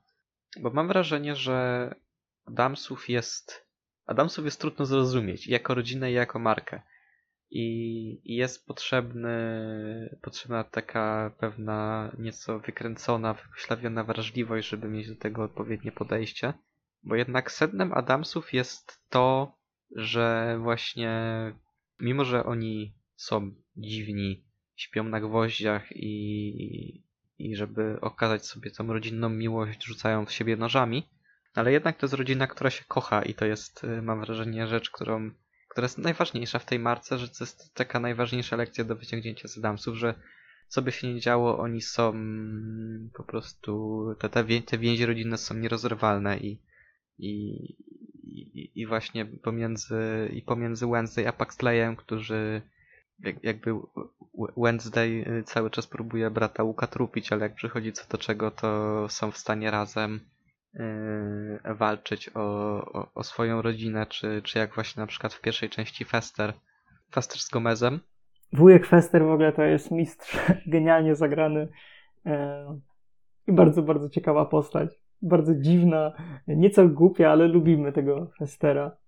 Yy, tak, no i, i właśnie ma, mam wrażenie, to jest tak jak mówię, no może, może jest inaczej, bo jednak no nie oglądałem tego filmu, ale po zwiastunie mam wrażenie, że właśnie yy, ta, ta nowa wersja Damsów trochę, trochę zatraciła to, co jest ważne w tej, w tej serii, właśnie to, to pokazanie tej yy, rodziny, która mimo, że wygląda na dysfunkcyjną, to jednak yy, wspiera się mhm. bardzo. Tak, tak. No i trzeba koniecznie powtórzyć scenę yy, mamuszka tańca, tak, która tak, jest tak, wybitna. też jest, też jest cudowna. Absolutnie. No, to typowo kreskówkowy film z takimi skrótami wizualnymi, umownością, więc dla dzieci też uważam, że jest dobry. Tak, tak, jest bardzo kreskówkowy. Właśnie to jest ten, yy, ten typ kinagrozy, który jest odpowiedni dla troszkę, mam wrażenie, młodszych dzieci. Raczej, raczej nikogo, może, może nie dla cztero, ale już 7-8-letnich jak najbardziej. Raczej nikogo te, te, te filmy nie, nie przestraszą w jakimś, jakimś znacznym stopniu, a też, a też miło się do nich wraca, jak się już troszkę tego kina grozy pozna więcej, żeby widzieć do czego właśnie rodzina Adamsów się odnosi.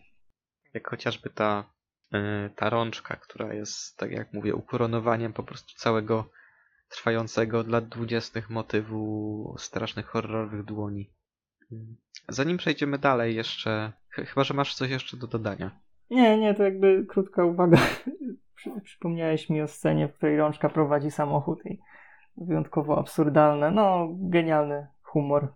Nie bojący się naprawdę Tak, tak, jakby mocnego to, jest absurdu. film, nie, to jest film, który się nie wstydzi tego, jak slapstickowy jest. Mhm, dokładnie. Yy, jeszcze pokrótce bym chciał powiedzieć o filmie Miasteczko Halloween, który bardzo lubię i to jest jedna z moich ulubionych animacji wszechczasów.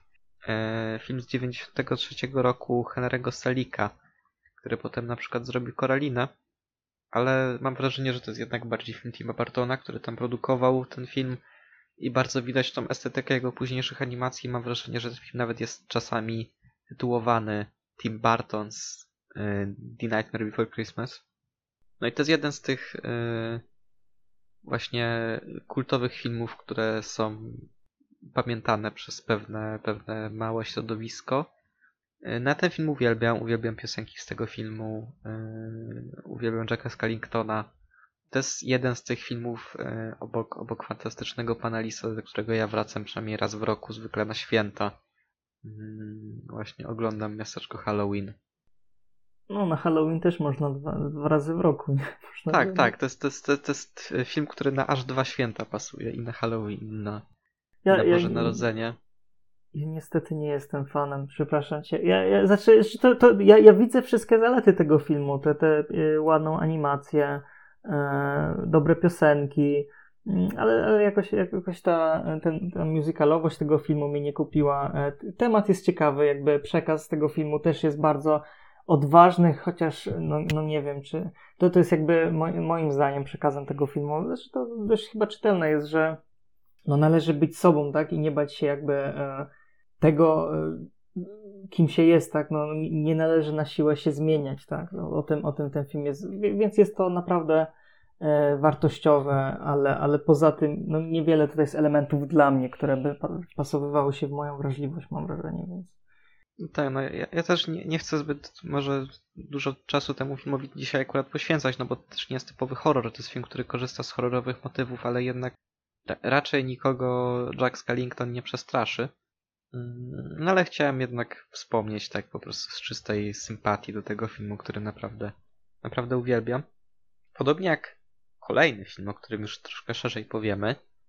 Y, I tutaj myślę, że generalnie możemy pokrótce powiedzieć o Marce. Y, mhm. Mianowicie Scooby-Doo na Wyspie Zombie z roku 1998 w reżyserii Jima Stensrama, Hiroshiego Aoyamy, Kizumiego Fukushimy i to jest według mnie najlepsza rzecz, jaka powstała w ramach marki Scooby-Doo w ogóle. Przy okazji najstraszniejsza rzecz, jaka powstała w ramach marki Scooby-Doo w ogóle. Yy, no i jeden właśnie z takich yy, nieco bardziej traumatyzujących dla mnie filmów, jakie, jakie mi się w dzieciństwie zdarzyło obejrzeć. Ale uwielbiam go i, i to jest najlepsze Scooby-Doo. Ja w dzieciństwie tego filmu nie oglądałem. Ja pamiętam yy, zwiastun prawdopodobnie tego filmu w kinie. Pamiętam, że był straszny, był po prostu, wyglądał jak film dla dorosłych z tego zwiastuna, nie? Że e, po prostu czułem, że, że to nie jest dla dzieci, a jednak to była animacja dla dzieci, więc e, to mnie zaskoczyło. Ten film niedawno obejrzałem. E, moim zdaniem to jest film tylko dla dzieci. Ja jakby e, doceniam, e, widzę te wszystkie elementy oswajające dzieci ze strachem, jak te właśnie sceny transformacji po raz kolejny, tutaj przemiany, e, plastyka obiektów, która jest taka rozbudowana. Animacja jest w porządku, no, no jakby standardowe tutaj e, animacje e, właśnie e, z marki Scooby-Doo, e, ale sama marka jest bardzo, bardzo ciekawa. Z, zawsze jakby jej ważnym elementem był ten e, motyw detektywistyczny, to, że na koniec okazywało się, że potwór tak naprawdę jest no, kimś przebranym, tak? To, to jakby sprawiało, że dzieci się mniej bały, a bardziej właśnie śmiały z tego konceptu, ale Scooby-Doo na Wyspie Zombie E, jeśli robi coś oryginalnego względem tego, co zwykle na przykład było w serialu, no to pokazuje, że te wszystkie zombie były naprawdę, że, to były, że, że jednak są paranormalne obiekty na świecie i, i nie zawsze to są ludzie przebrani za coś przerażającego. To jest taka, taka jedna rzecz, która mi się tak, wybija tak. e, nie, nie ma tego elementu, że przebrany człowiek, ale nadal jest zachowany ten motyw, że to jednak człowiek jest potworem. Mhm. E, ja bym chciał tak, zanim ci dalej, tak trochę ci wszedłem w stanie, ale bym chciał powiedzieć odnośnie tej animacji, że w ogóle mam wrażenie, że z całego Scooby-Doo, tych filmów, przynajmniej tych, które.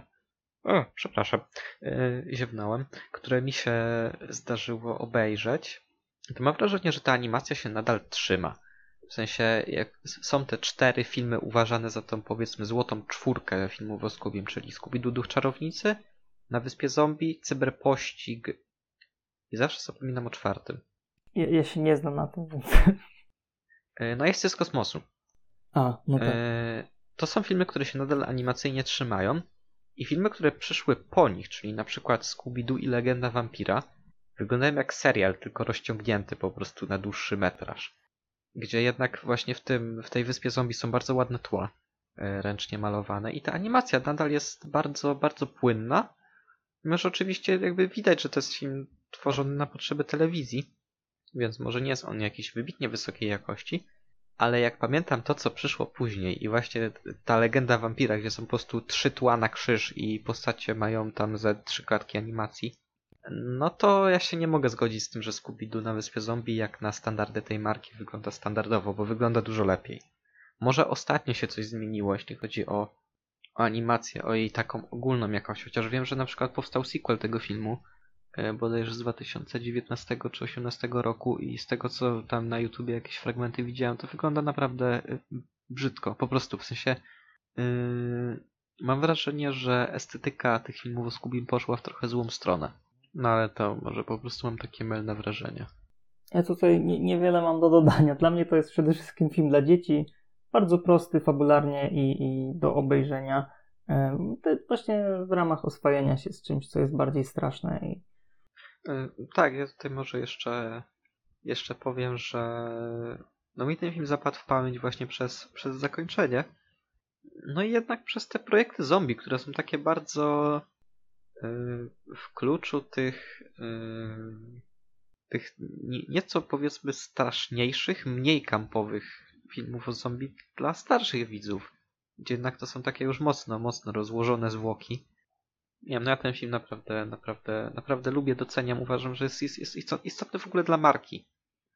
Mm, tak, no ale to jest jednak już tam końcówka, yy, końcówka wieku. A po roku 2000 się, mam wrażenie, z horrorem dla dzieci działy bardzo ciekawe rzeczy. Yy, gdzie właśnie przyszedł ten, ten Harry Potter chociażby. Yy, I mam wrażenie, że tych takich yy, elementów horrorowych, szczególnie na początku właśnie dekady lat 2000 było troszkę więcej. I trochę ukoronowaniem tego jest film Straszny Dom Monster House z 2006 roku w reżyserii Gila Kinana i to jest takie troszkę Conjuring dla dzieci. To jest film, w którym są naprawdę straszne, przerażające sceny.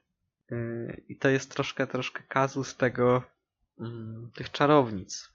Że to jest film, który jest, jest e, straszny nie przez to, jakie motywy w nim są poruszane, tylko przez to, w jaki sposób to jest przedstawione.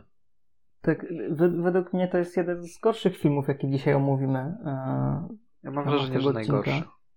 Mhm. Czy wcześniej mówiłeś o jakimś innym filmie, to to był chyba... Chociaż może było. Ghostbusters. A, Ghostbusters. Nie, dla mnie, dla mnie jednak Monster House. E... Nie, żartuję oczywiście. Ale y, co, co jest problemem tego filmu? Generalnie na pewno zaletą, od razu powiem, jest to, że no niewiele jest filmów tego typu, powiedzmy. Właśnie tak typowo horroru. Tak, tak. Ten, ten film się bardzo wyróżnia, bo to faktycznie, jak wcześniej mówiliśmy o filmach, które były raczej takimi Y, komediami przygotowymi z elementami horroru, to jest to jest horror, rasowy horror. Mhm. Rasowy, tylko, dokładnie. Tylko, sto, tylko stonowany y, dla, dla młodszego widza, ale, ale jednak horror.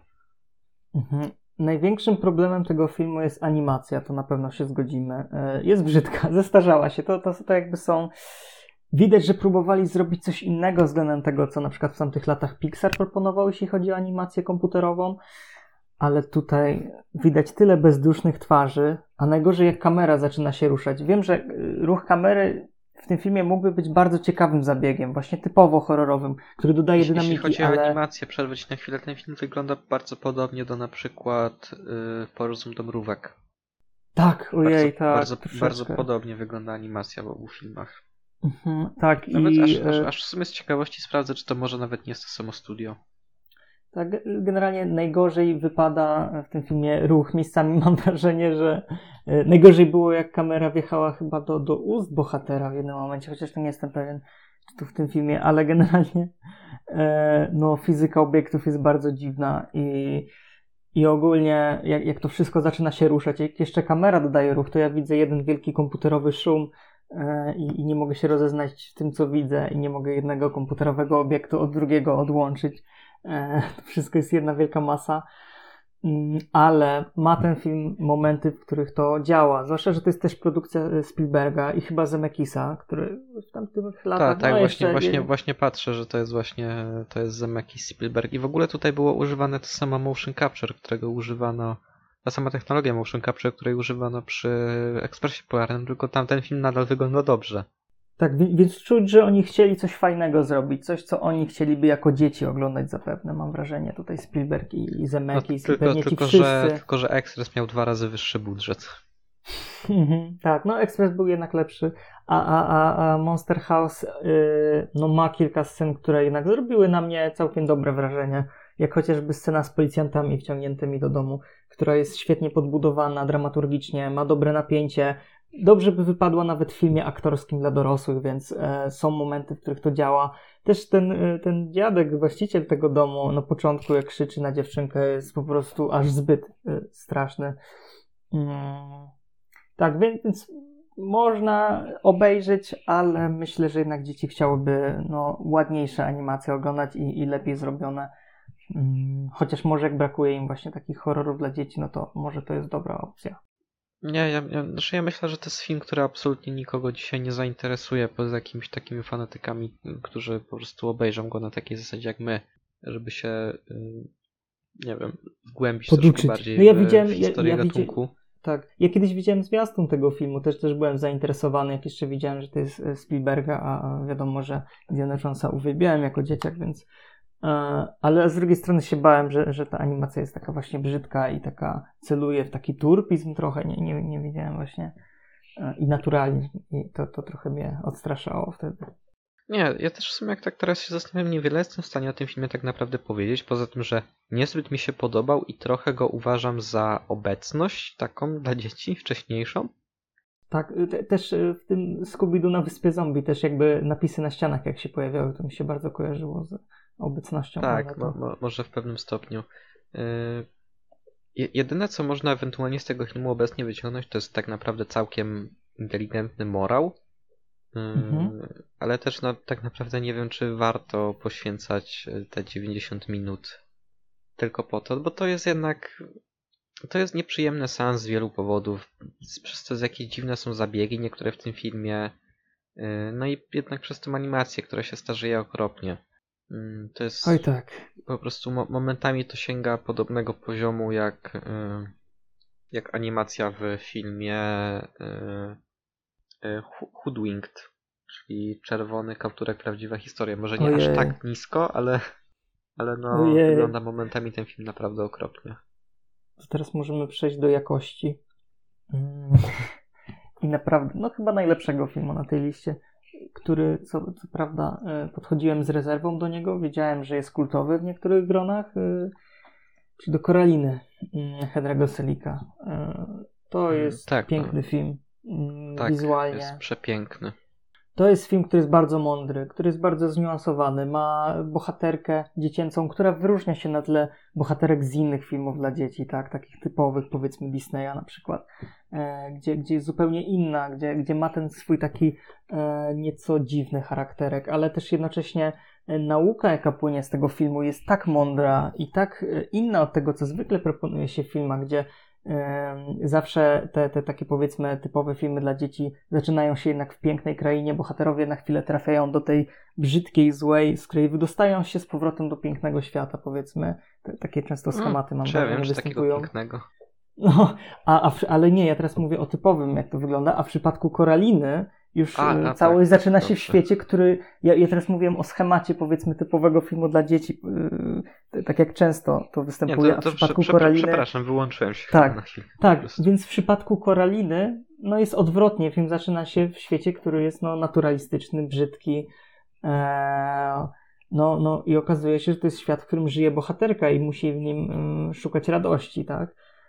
I ten film ma genialną naukę, właśnie polegającą na tym, że no nie można mieć wszystkiego od razu, bo bohaterka trafia do świata, który jest piękniejszy, w którym jej rodzice są mniej zapracowani, e, w którym e, bardziej da, dają jej piękne jedzenie, gdzie, gdzie wszystko jest cudowne, ale aż zbyt cudowne. I, e, I też zakończenie jest niesamowicie wymowne tego filmu, że no, udało jej się wydostać z tego świata, który jednak okazał się złudny, że, że to, co piękne, nie zawsze jest cudowne że, że jednak to, to, był świat koszmaru, y, gdzie musiała wykazać się odwagą i tutaj chęcią zmierzenia z tym, co złe. I żeby ten świat na końcu, w którym ona żyje, okazał się piękny, ona sama coś musi do niego wnieść. Y, musi tutaj zacząć sadzić kwiatki, zapraszać sąsiadów y, i, samemu kreować tę rzeczywistość dookoła siebie, gdyż dopiero jak ona będzie próbowała mm, szukać szczęścia i zarażać tym szczęściem innych, to dopiero wtedy ten świat powoli będzie się zmieniał z takiego powiedzmy nieco nieprzyjaznego na na przyjazny i, i, i piękny, więc to jest absolutnie powalający, genialnie ograny, bardzo dojrzały morał, e, który powinien być w większej ilości filmów dla dzieci, bo to jest faktycznie mm, wielka nauka moim zdaniem, która, która przekłada się na mm, no, dobre myślenie, jeśli chodzi o tutaj mierzenie się e, z szarą rzeczywistością. Tak, tak, tutaj w ogóle Karolina y, w bardzo podobny sposób korzysta z bardzo podobnego motywu co Alicja w Krainie Czarów.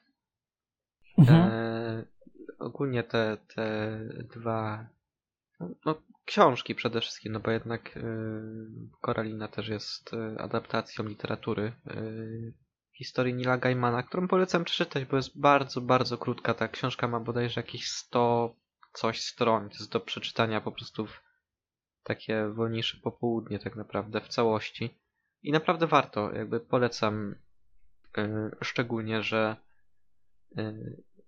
parę lat temu wydawnictwo MAG wydało właśnie całą kolekcję Gaimana w naprawdę przepięknych okładkach yy, i właśnie Koralina jest jedną z tych książek, które, które mam na półce. Mm, ale właśnie tam jest ten, ten bardzo podobny motyw do Alicji. Yy, jest dużo, dużo punktów wspólnych, właśnie to takie mm, przeniknięcie do innego świata za pomocą dziury w ziemi lekko mówiąc, czy nawet ta postać kota, y, gdzie tak. kot y, w Alicji, y, może mm, kot w Koralinie, który jest tym takim trochę bytem nadnaturalnym, który wie więcej, rozumie więcej, jest bardzo podobny do Alicjowego kota z Cheshire. Mm, no ale właśnie, ale właśnie Koralina jest. no, ja ten film widziałem po raz pierwszy w zeszłym roku.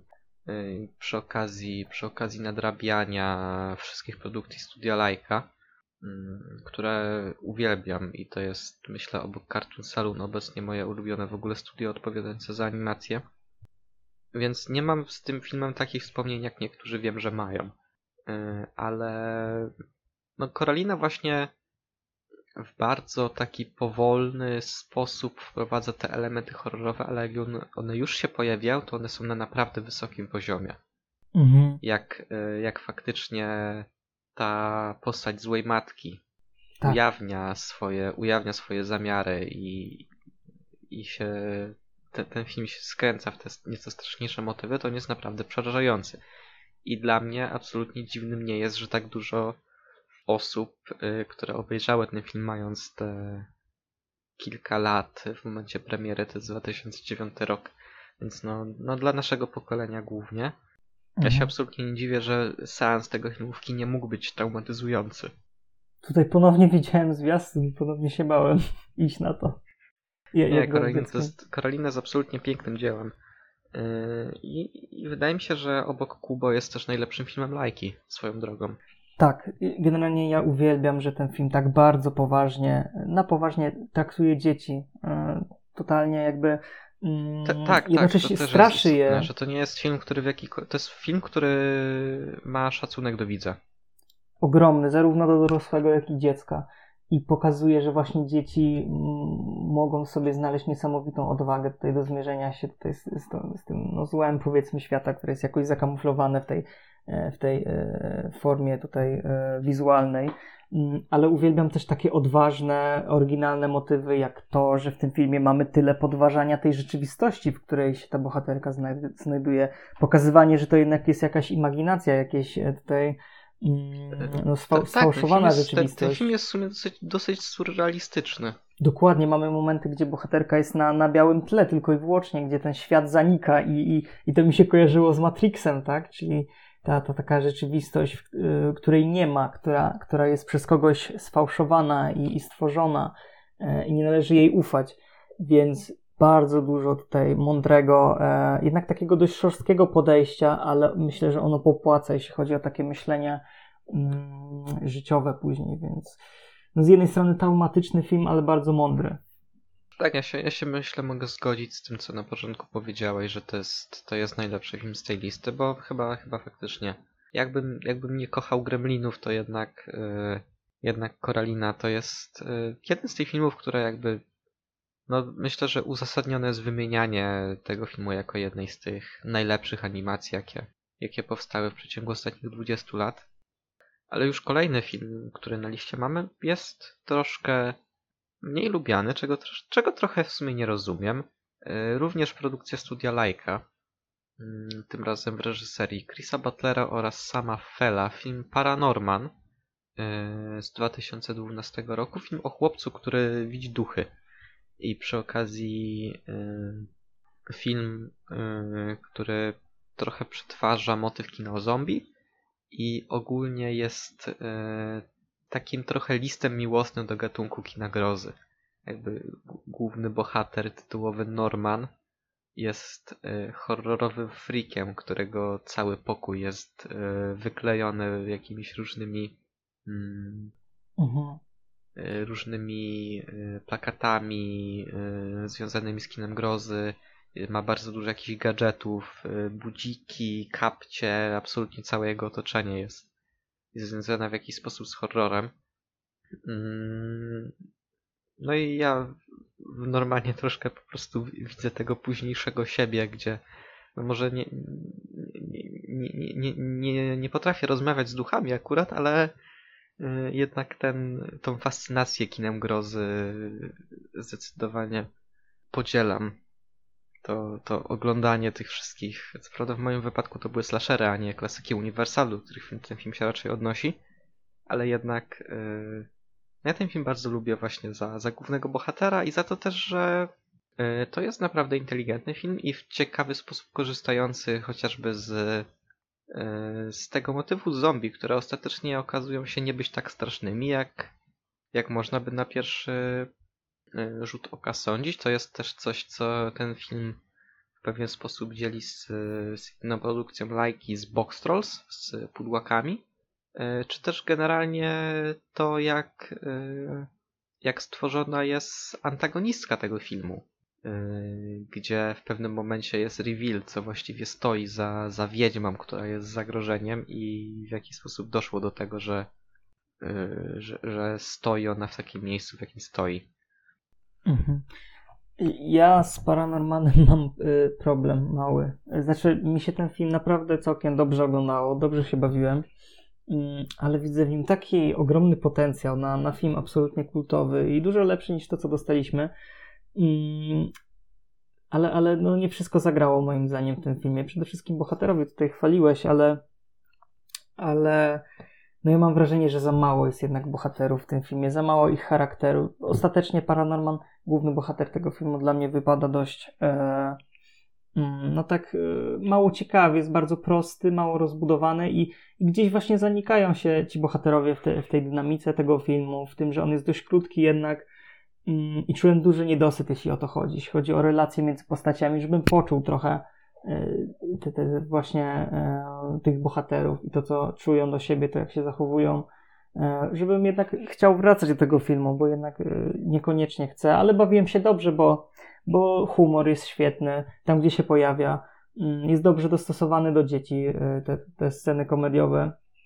To jest uczenie takiego dobrego, abstrakcyjnego, slapstickowego humoru z takim dobrym gustem. Animacja jest bardzo Ta, ładna. Tak, mam wrażenie, że przy tym jak jak oglądaliśmy ten film, to ja przywoływałem humor, który się pojawia w filmach studia Ardman. Mhm. Szcz szczególnie, szczególnie moja ukochana scena z scena w więzieniu z psem z Baranka Shona. Tak, widziałem tę scenę akurat, więc też, też ją uwielbiam, ale, ale filmu dalej nie widziałem, ale nadrobię. Eee, tak, no Paranorman to, to była taka próba chyba zrobienia Shaun of the Dead dla dzieci, mam wrażenie.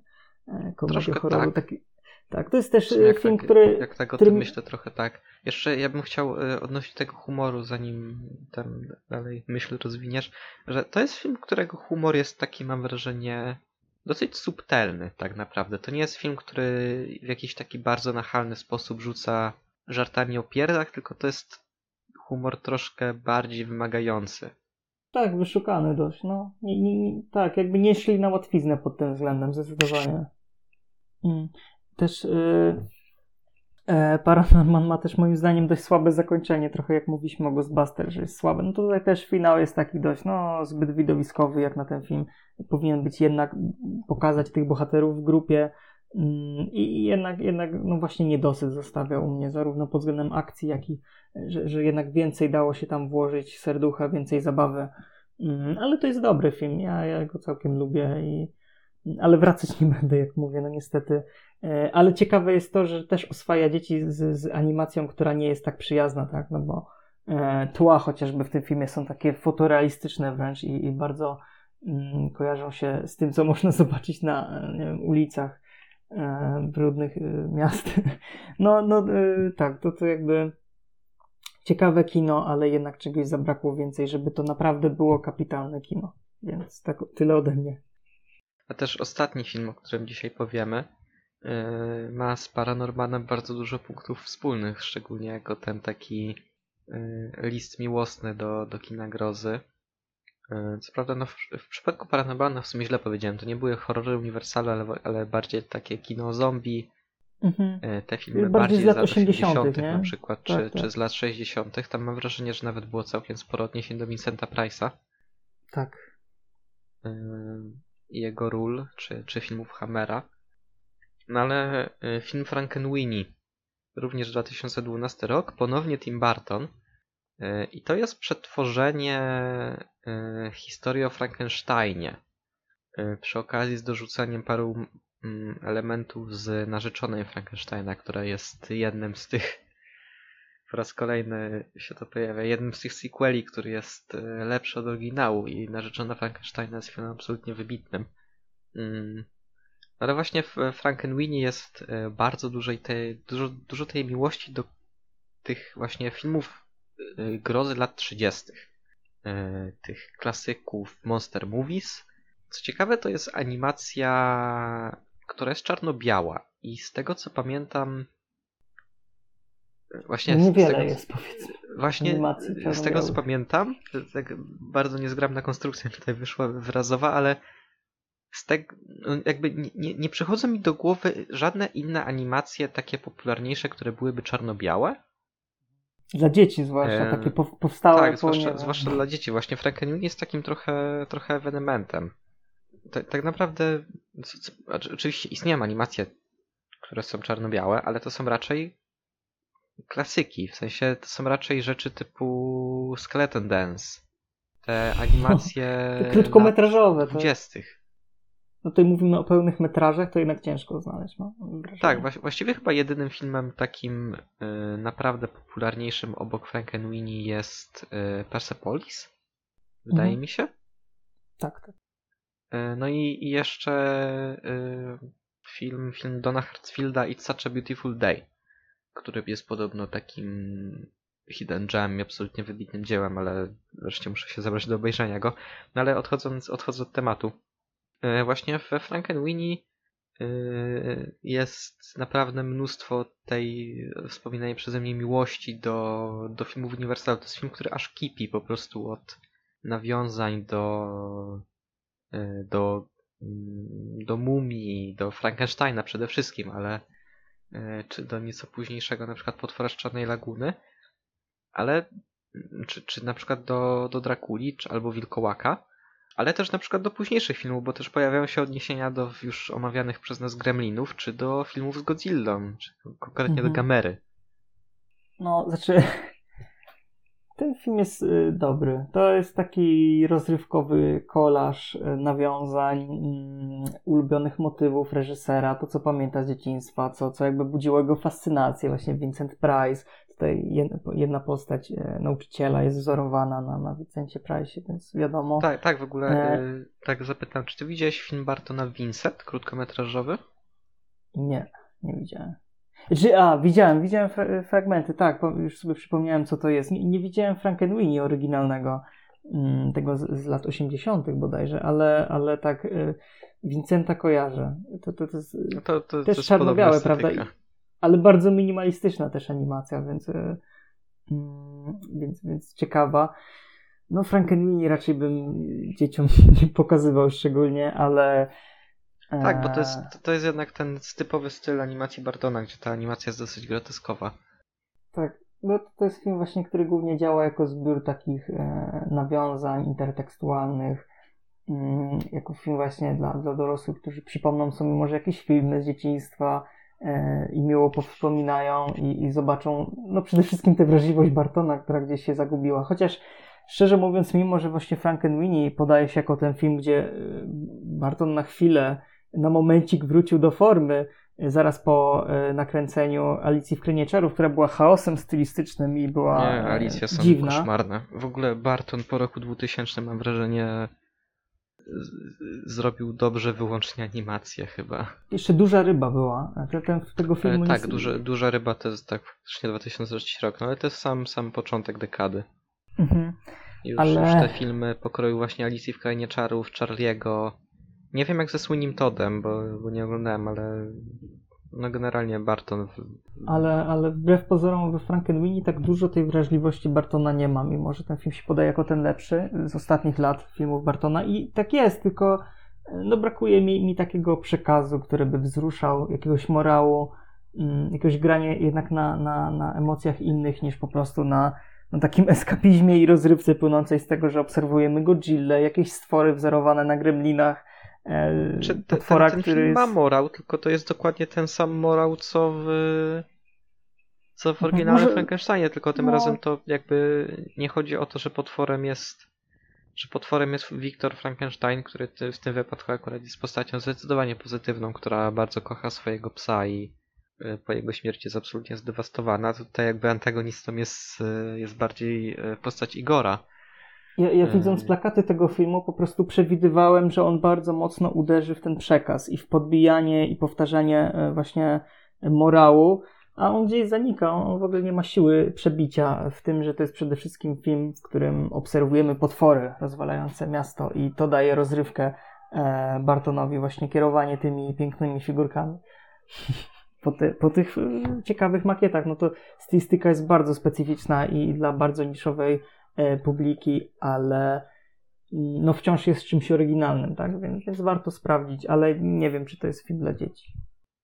Ja- bym obstawał raczej, że jest. Na pewno jest y, jednym, przynajmniej na, tak patrząc generalnie po tej liście, jest chyba y, chyba najodpowiedniejszy dla dzieci, bo to raczej nie jest film, który kogoś tak jakoś bardzo przestraszy, może, może poza tą groteskową animacją.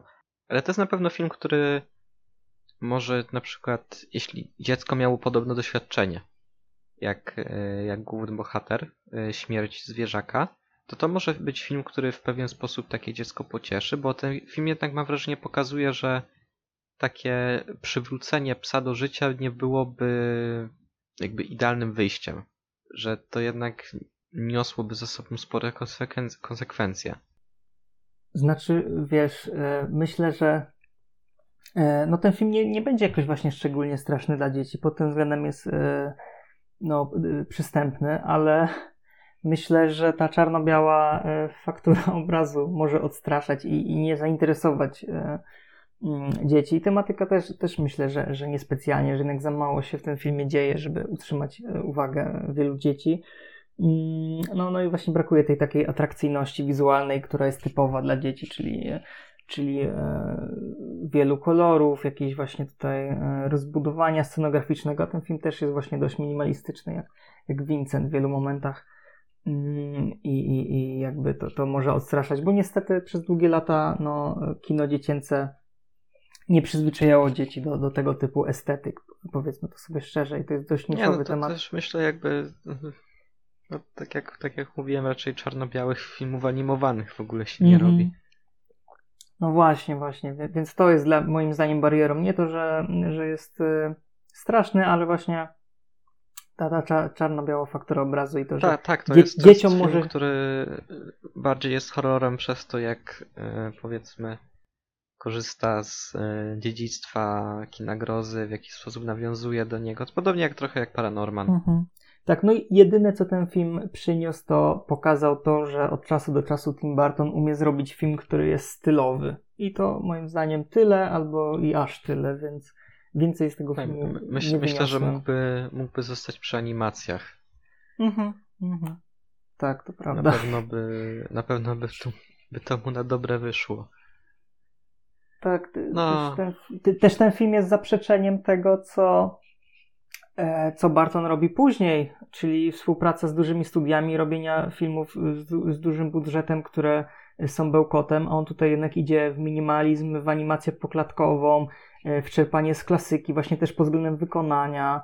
Mm, no a w przypadku takich filmów jak Dumbo czy Alicja w Krainie Szarów, no to przeczy sam sobie, tak? Znaczy, temu, no temu, ja, mam wrażenie lata... właśnie, że ten film się udał przez to, że jakby w każdym po prostu momencie tego filmu, w każdej sekundzie widać, że to jest passion project Bartona Mhm. i że to był film prawdopodobnie, na którym mu zależało tak osobiście, a nie jedna z tych e, dużych produkcji pokroju Charlie'ego czy Alicji, która była po prostu na zlecenie, No dokładnie. gdzie on próbował jakoś tą swoją e, niesamowitą wyobraźnię przełożyć, a jakby czemu mam być zainteresowany jakkolwiek filmami Bartona obecnie, skoro mam e, Guillermo del Toro, który robi praktycznie to samo, co Barton robił, tylko że dużo lepiej. Tak. Labirynt Fauna wciąż najlepsze e, kino fantazy. Tak, i też w pewien sposób kino familijne. Mhm. Troszeczkę. Myślę, że tak. Myślę, że w sumie Labirynt Fauna, tak jak teraz myślę, dla takich troszkę starszych dzieci, czemu nie? Co, Mhm. prawda raczej pod e, nadzorem, bo jednak no, w Labiryncie e, się pojawiały naprawdę przerażające sceny, ale myślę, że myślę, że mogłoby to się udać. Ty- Też można porównać bohaterkę Labiryntu Fauna do, do Koraliny, bo tak, bo to, to też jest bohaterka- trochę korzystanie z tego elementu ze z Alicji. mhm. Te, też ona musi samemu zapracować sobie na to, co chce osiągnąć. Nie może obrać drogi na skróty, więc ja takie morały bardzo e, propsuję i lubię w filmach. Tak, myślę, że już tak y, zmierzając ku końcowi, bo znowu nam ta, ten dyskusyjny odcinek wyszedł bardzo długo i pewnie, one- pewnie one będą właśnie, właśnie troszkę dłuższe. Też to zależy od, od tego, ile filmów będziemy mieli przygotowane. Jakbym miał podać jakieś takie wnioski z tego, o czym dzisiaj rozmawialiśmy, yy, no mam wrażenie, że tych yy, filmów takich, tego kina dla dzieci jest więcej niż można by się tego na pierwszy, yy, na pierwszą taką myśl yy, spodziewać. Przede wszystkim właśnie przez to, jak dużo kina przygodowego ma te elementy horroru, czy nawet takich faktycznie filmów wchodzących w horror, które są jednak przeznaczone dla młodszych odbiorców. I Mhm. dodatkowo, jeśli chcemy robić yy, straszną animację, to idźmy w animację poklatkową, bo to jest jednak medium, które się dużo lepiej do tego nadaje. Przecież nawet jak yy, wspominany przeze mnie w kontekście Kor- Koraliny Kubo, no tam są naprawdę straszne elementy. E, Szczególnie, sz, szczególnie siostry. Tak, bo to jest dobry film przygodowy, a dobry film przygodowy musi być trochę, trochę straszny w wielu momentach, żebyśmy się zaangażowali w ten film i, i go przeżywali. A Kubo jest bardzo emocjonującym filmem, myślę, dla wielu osób i faktycznie wiele osób się popłakało na koniec, więc, więc działało to tam. E, tak, ja się zgadzam, że, że e, jak najbardziej horror dla dzieci mogą powstawać, n- nawet miejscami muszą i, i, i niech często właśnie w animacji poklatkowej, bo, bo ta technika nie może e, wyginąć i zostać wyparta przez e, technikę komputerową, bo jest po prostu zbyt zasłużona dla historii kina i zbyt piękna i, i, i ma masę miłości jednak czuć w tych projektach, nawet jeśli są mniej udane, jak, jak Paranorman czy, czy, czy kilka innych, mm, to jednak czuć, że, że, że to są pasjonaci, ci twórcy za to robią, że to są mniejsze studia i, i, mm, i ja, to, ja, ja jakby chcę tego więcej. Tak, więc już kończąc.